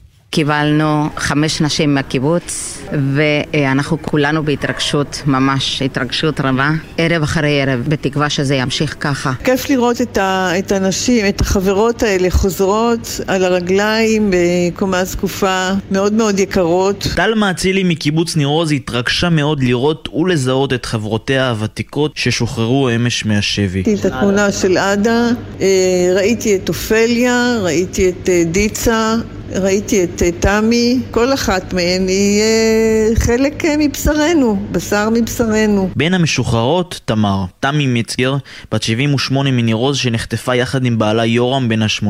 לפני כשבוע שוחחנו כאן בבוקר טוב ישראל עם בנם ניר, ששיער שאימו תשוחרר, אך אביו יישאר מאחור. יש לנו תקווה לפי מה שאנחנו שומעים, שאולי אימא תהיה בין המשוחררים. לכן זה יוצר אצלנו מצב שהוא מאוד uh, בעייתי, שמצד אחד אם אימא תשוחרר זה מאוד uh, משמח, אבל אם אבא שלי נשאר שם, אז זה גם משאיר אותנו עדיין תקועים uh, בתוך הסיוט הזה של uh, הורה חטוף. לצד השמחה הגדולה משחרור החטופים בימים האחרונים, בניר עוז קיבלו אתמול בשורה קשה. משפחתו של רביד כץ, אחיה של דורון כץ אשר, שהשתחררה מהשבי עם בנותיה, עודכנה שנרצח ב-7 באוקטובר, וגופתו נמצאת בעזה. חברת המשפחה דנית מספרת. הכרתי את uh, רביד וזה אבדה עצומה, זה כואב מאוד. כואב לי על רויטל קודם כל, ועל הילדים שלו כמובן. זה קשה, כי מצד אחד התרגשות לערב ותקווה שבאמת ישחררו עוד אנשים מניר עוז, ואז uh, הידיעה הזאת שהיא מפילה, ואנחנו באמת ברכבת ערים מטורפת. גם בקיבוץ השכן ניר יצחק קיבלו אמש בשורות מרעישות. קלרה מרמן ואחותה גבריאלה ליימברג ובתה של גבריאלה מיה השתחררו. סוף סוף יש לנו שלושה חבר'ה מהקיבוץ, שלוש בנות שהשתחררו אחרי תקופה לא פשוטה בתוך או בתוך הסבל שהם היו, וזה הדבר הכי מרגש שיש. עם הישמע הבשורה החליטה תושבת הקיבוץ דורין להפריח בלונים באילת בגלל סיבה מיוחדת. קלרה לצערנו חגגה את היום הולדת שלה בשבי, והיום בבוקר זרקתי סתם כשישבתי עם חברה לקפה כמו כל בוקר במלון. היום קלרה יוצאת, ואם היא יוצאת אני מפריחה בלונים, ו-40 דקות אחרי קיבלנו הודעה בקבוצה של הקיבוץ, קלרה, גבריאלה ומי היוצאות. ולצד השמחה גם העצב והתסכול על כך ששוב משפחת ביבס נשארת מאחור. התאומים הג'ינג'ים כפיר ואריאל הם הילדים היחידים שנחטפו ועדיין לא שבו מניר עוז. בקהילת הקיבוץ לא מפסיקים לחשוב עליהם. יש לנו שם עוד את משפחת ביבס, שמאוד, אה, אני מאוד דואגת ואני יודעת שכל הקהילה מאוד מאוד חרדה ודואגת. כששמעתי על העסקה, אני הייתי כל כך בטוחה שהיא תחזור ראשונה, בגלל שהם נורא נורא התפרסמו, וככל שעוברים הימים אני מבינה שזה רק קלף מבחינתם. מרגישה שאני לא יכולה לעשות כלום עד שהם יחזרו, אני רק מחכה שהם יחזרו.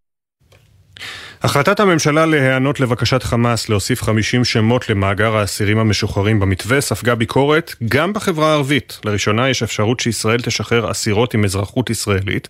חלקן אף נעצרו אחרי ה-7 באוקטובר ובכלל עוד לא נגזר דינן.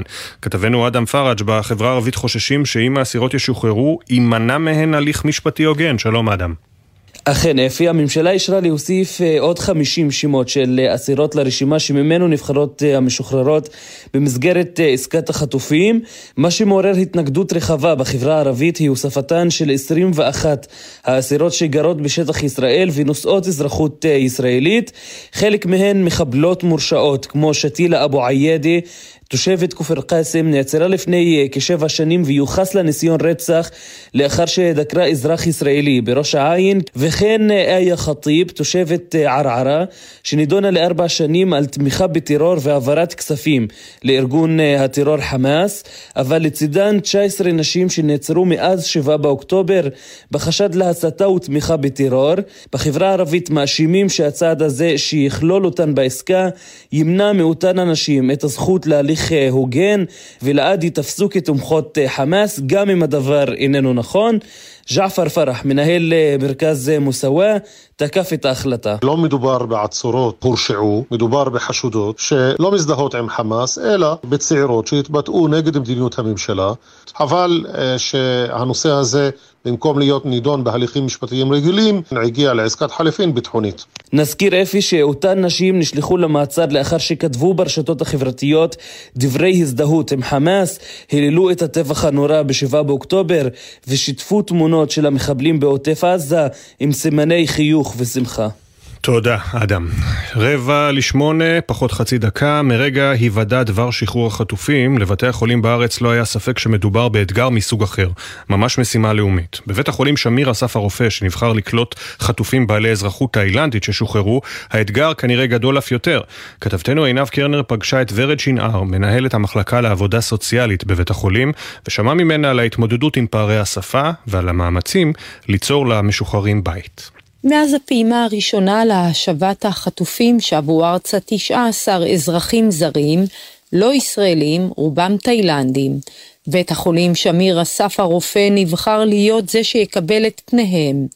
ורד שנער, מנהלת המחלקה לעבודה סוציאלית בבית החולים, שוחחה עמנו וסיפרה שהחטופים התאילנדים הפכו להיות חלק מהמשפחה שלהם. נערכנו לקבל אה, חטופים עם בני המשפחות, לדאוג למש... למפגש המדהים, האנושי, ש...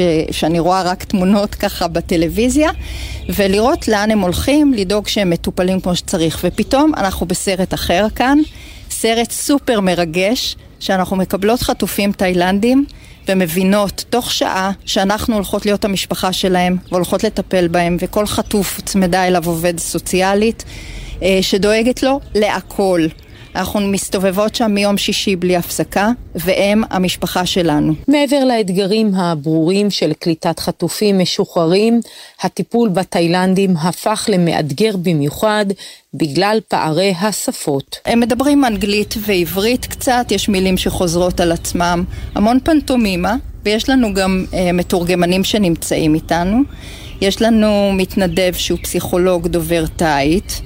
אה, שעוזר לנו מאוד ומנהל יחד את השיחות איתם וגם בקבוצות וגם ביחידים אה, עם תרגום אבל אני חושבת שמה שהעברנו להם, תחושה של בית, היא לא ביותר מדי מילים. הם פשוט מרגישים שאנחנו שם. כל מי שביקר בתאילנד ודאי זוכר שאורז הוא אחד ממוצרי המזון הבסיסיים והחיוניים ביותר בקרב התאילנדים.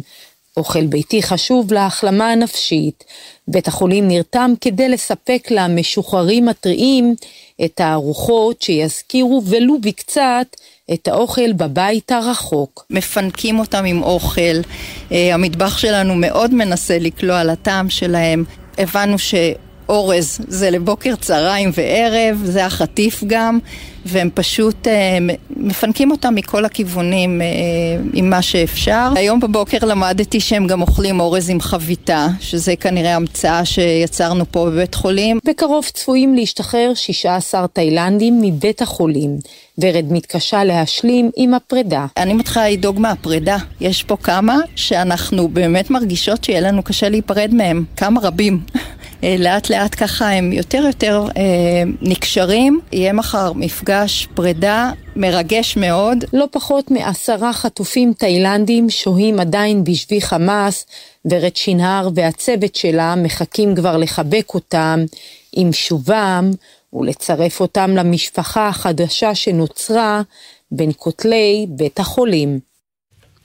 7.49 עכשיו, בוקר טוב ישראל. כיתה אחת, שלושה נופלים. גם בתרחישים הקשים ביותר, הצעירים שסיימו י"ב לפני כמה שנים בישיבה התיכונית נווה שמואל, לא דמיינו שהלוויות יהפכו למפגשי המחזור שלהם. בהפרש של ימים בודדים הם איבדו שלושה חברים מכיתתם. סמל ראשון יונתן יצחק סמו מכרמי צור, סמל ראשון איתן דישון מירושלים, ובדיוק לפני שבוע נפל סמל ראשון איתן דוב רוזנצוויג מאלון שבות. כתבנו ביהודה ושומרון הוד בראל חזר עם כמה מחבריהם לכותלי הפנימייה ושמע את הזיכרונות שמות משלושת החברים של הנצח יהיו חסרים. אני זוכר שהיינו צוחקים על זה, אחד מהמחזורים פה בנוש. נראה לי שהיו בו יחסית הרבה נופלים. היינו צוחקים כאילו על המחזור הזה קצת. עכשיו זה קצת אה, מצמרר לחשוב על העובדה שיצחקו עלינו עוד כמה שנים. המחזור ה... צחוק עצוב. כן, צחוק עצוב. כיתה י"ב שלוש בישיבת נווה שמואל באפרת איבדה שלושה חברים.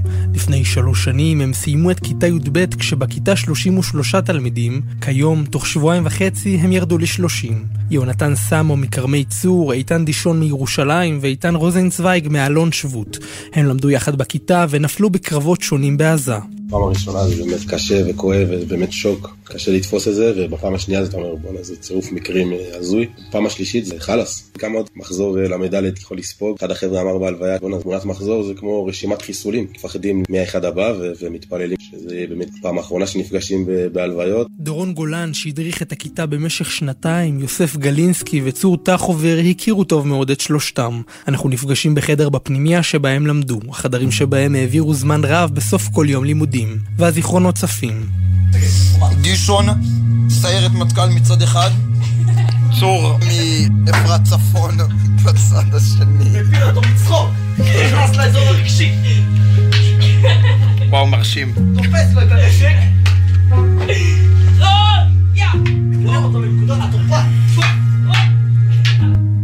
דישון היה מאוד uh, רגוע כזה, זוכר שהיינו חוזרים באמת לחדר, שעות די מאוחרות, והיה לנו קטע מצחיק, היינו פשוט יושבים על המיטה ורואים סרטונים של פספוסים, אבל זה רק איתו היינו עושים את זה, כאילו, זה היה קטע כזה של דישון, יושבים על החדר, רואים uh, פספוסים, פשוט נגמרים מצחוק. במשך שנה שלמה צור זכה לדבריו להיות בחדר עם איתן דישון. הרבה חוויות הם עברו שם יחד, וחוק אחד היה להם, לא להכניס מתמטיקה או פיזיקה לחדר, כי החדר הוא מקום קדוש. סמו זה מישהו שאנשים לא היו אדישים אליו, כי הוא היה בן אדם מאוד חברתי, גם בישיבה וגם מחוץ, הוא היה כזה בן אדם שמכירים פה בגוש. גם כשהוא הגיע אלינו רק בשישית, כאילו אני זוכר את היום הראשון שלו. מי זה הילד החדש הזה שהגיע אלינו למחזור, ואני רואה אותו כבר יושב עם כולם ומתבדח, לוקח לי את החברים. זה ראו את זה בעיניים שלו, את הרעות הזאת, שהוא מסתכל על כל בן אדם, כאילו באמת, על כאילו בהיותו אדם. יונתן נפצע קשה בקרב במרכז רצועת עזה, ולאחר יומיים נקבע מותו. כבר בגיל צעיר החליט יונתן על דעת עצמו לחתום על כרטיס אדי, ובזכות כך איבריו הושתלו והצילו שישה בני אדם. לפני שבוע קיבלו חברי הכיתה בפעם השלישית את ההודעה הקשה על חבר לכיתה שנפל. הפעם זה היה איתן רוזנצוויג. אין מצב שתפתיע אותו. ברור לך שכל נתון שאתה תוסיף לשיחה הזו, הוא הכיר אותו, הוא הכיר אותו גם יותר טוב ממך, כי הייתה לו שליטה יוצאת דופן. זה לא רק שהוא לא הבליט את זה, זה אף פעם לא גרם לו להתנסה או משהו בסגנון. איזושהי ענווה, לא, לא ענווה שהיא כאילו מודעת לעצמה. בתחילת השבוע שעבר התחתן חבר מהכיתה, חתונה שנדחתה שלוש פעמים לנוכח המצב עד שיצא לפועל. החברים שהצליחו להגיע לחתונה למרות התפקיד בצבא חגגו. כשהם קמו בבוקר הם גילו שאיתן דישון נפל בקרבות בעזה. בבוקר אנחנו קמים אחרי החתונה ואנחנו מגלים שבעצם איתן דישון נהרג במהלך הלילה. אני קצת קראתי את זה לעצמי, כותרת של ה-24 שעות האלה היה לרקוד על הדם, אבל זה באמת אבסורדי. שביום ראשון אתה שמח עם החבר שלך ואז יום אחר כך אתה פוגש את אותם אנשים שהיו בחתונה והם מגיעים ללוויה ואחר כך גם ביום חמישי קורה אותו דבר. לקראת סיום השיחה בפנימייה אנחנו קמים, עוזבים את הספות הנוחות שאפשרו לנו רגע לחזור על ימי התיכון השמחים. ולמרות הכל, שם ליד הברזייה וכיתות הלימוד, צור בוחר להזכיר בקול את ההבדל בינינו לבין אויבינו. זו תקופה שחייבים לשמוח לצד הכאב, זה משהו ממי שאנחנו ואיך שאנחנו חיים ואיך שאנחנו מנהלים את הלחימה הזאת. מנהלים אותה גם בעזרת החיים ולא כמו חמאס בעזרת המוות, אנחנו חיים את החיים.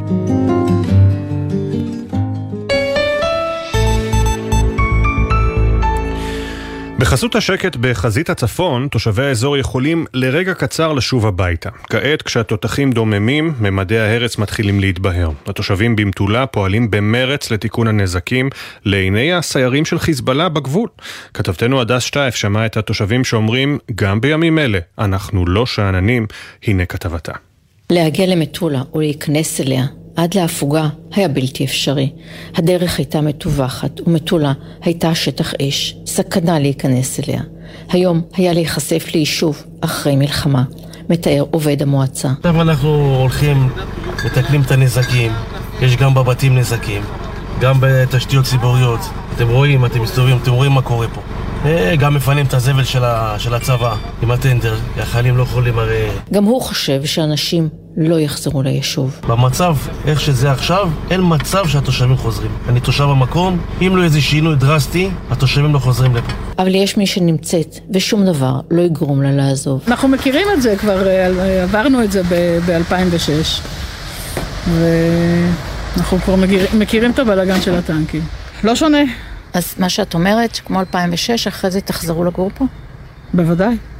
אנחנו לא עוזבים. כי יש תושבים שאומרים שהם לא חוזרים לפה יותר. שהם לא יחזרו, אנחנו חוזרים. הפסקת האש מאפשרת לתושבים להגיע, ולו לזמן קצר, אומר אורי. באים אנשים כרגע מנצלים את זה כבר מיום שישי, הרבה מאוד אנשים, תושבי מטולה שרוצים לראות מה קורה בבתים שלהם, אם יש נזקים או אין נזקים, אז הם באים לראות, בחלקם גם לוקחים ציוד, חלקם עושים באותה הזדמנות גם ניקיון בבית על כל מיני מוצרי מזון שנשארו.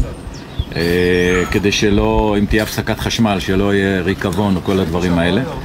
סוגרים מערכות חשמל, סוגרים מערכות מים, שלא יהיה איזה פיצוץ או משהו, ואחרי זה יצטרכו לראות.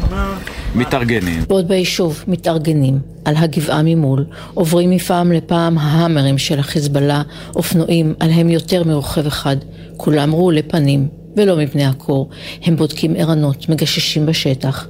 בשאר היישוב, השומרים שומרים גם על חוש הומור. זה איתן אחוטימי, חבר שלי, היה, היה, היה קשר שלי במלחמת לבנון השנייה, הלך איתי לכל מקום, ואנחנו חברים באש ובמים, ונמשיך להיות ככה. ואתה אשכנזי ואני תימני, תראה איזה אחדות יש פה. בשתי קצוות העולם. יישאר לנו לכל הזמן, מי שלא מתאים לו, יום טוב לו. מטולה, האצבע המורה של מדינת ישראל, מבולבלת, ממוגנת, מלקקת את פצעיה, וכמו כל המדינה הזאת, נשארת עם הלא נודע. מה יהיה איתה הלאה? מה יהיה הלאה? גם אנחנו לא יודעים. אנחנו יכולים רק להתנחם במה שקרה בינתיים. הלילה עוד עשר ישראליות חזרו לארץ יחד עם שני אזרחים זרים, והן מתעוררות הבוקר חופשיות. מיה ליימברג בת ה-17, אמה גבריאלה ליימברג בת ה-59, דודה קלרה מרמן בת 63, דיצה היימן בת 84, מירב טל בת 54, אה, נורלין בבדילה ג'וג'ו בת 60, עדה שגיא בת 75, רימון קירשט בת 36, תמר מצגר בת 78, אופליה רויטמן בת 77, ושמענו שכולן במצב יציב. לחלקן אה, יש טיפול, יהיה טיפול רפואי מורכב בהמשך בשל פציעות שספגו או ב-7 באוקטובר או במהלך אה, השבי, אבל לאף אחת מהן לא נשקפת סכנת חיים. ולכל מי שדאג, גם אה, וטרינר הגיע לבית החולים לראות את בלה, הכלבה, כלבת השיצו של מאיה ליימברג, וגם מצבה טוב. והיום אמורים להשתחרר עוד עשרה חטופים, כנראה גם הפעם מדובר בעיקר בנשים, אבל אנחנו לפני סיום ממשיכים במסורת שהתחלנו השבוע, מסורת שאנחנו מקווים שתסתיים במהרה. לפני שנפרדים נציין כי הבוקר יש עדיין 162 חטופים בעזה עם בני משפחה שמחכים להם. אז בסוף הערב הזה כנראה יהיו 152, אבל 152 יותר מדי, אחד מהם הוא ג'ון פולין, אביו של הירש גולדברג פולין, בן ה-23, שנחטף מהמסיבה ברעים.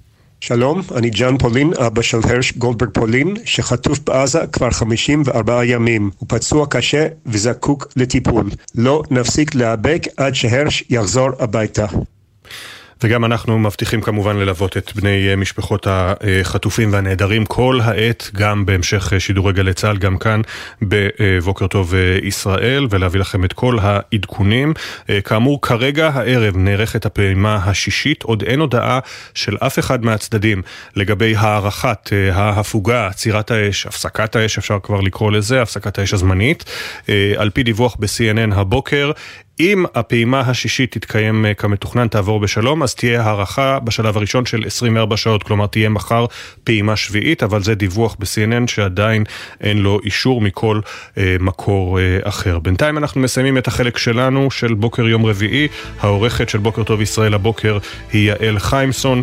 עורך המשנה יואב מאיסי, המפיקה הראשית של בוקר טוב ישראל היא אורי שילה, לצידה מאי נבון, על הביצוע הטכני אחינועם ויינברג, בפיקוח הטכני דני אור, עורכת הדיגיטל מיה אורן, תודה גם למשה טורקיה. אנחנו מזכירים לבני משפחות וחברים שרוצים להשתתף במיזם מאחורי השמות, שבו מדי בוקר בערך ב-6.40 אנחנו מספרים משהו קטן על מי שהיו ואינם, מוזמנים לשלוח לנו סיפור או חוויה אישית בצירוף תמונה, לכתוב את המייל זיכרון שטרודל glz.co.il, זיכרון עם K, והסיפורים גם יושמעו כאן מדי בוקר בפינה מאחורי השמות וגם יעלו לאחר מכן לחשבון האינסטגרם של גלי צה"ל. אחרי כותרות השעה שמונה יהיו פה ספי עובדיה ויניר קוזין. אנחנו ניפגש שוב מחר, יום חמישי, שש בבוקר. עוד יבואו ימים טובים יותר. בוקר טוב ישראל.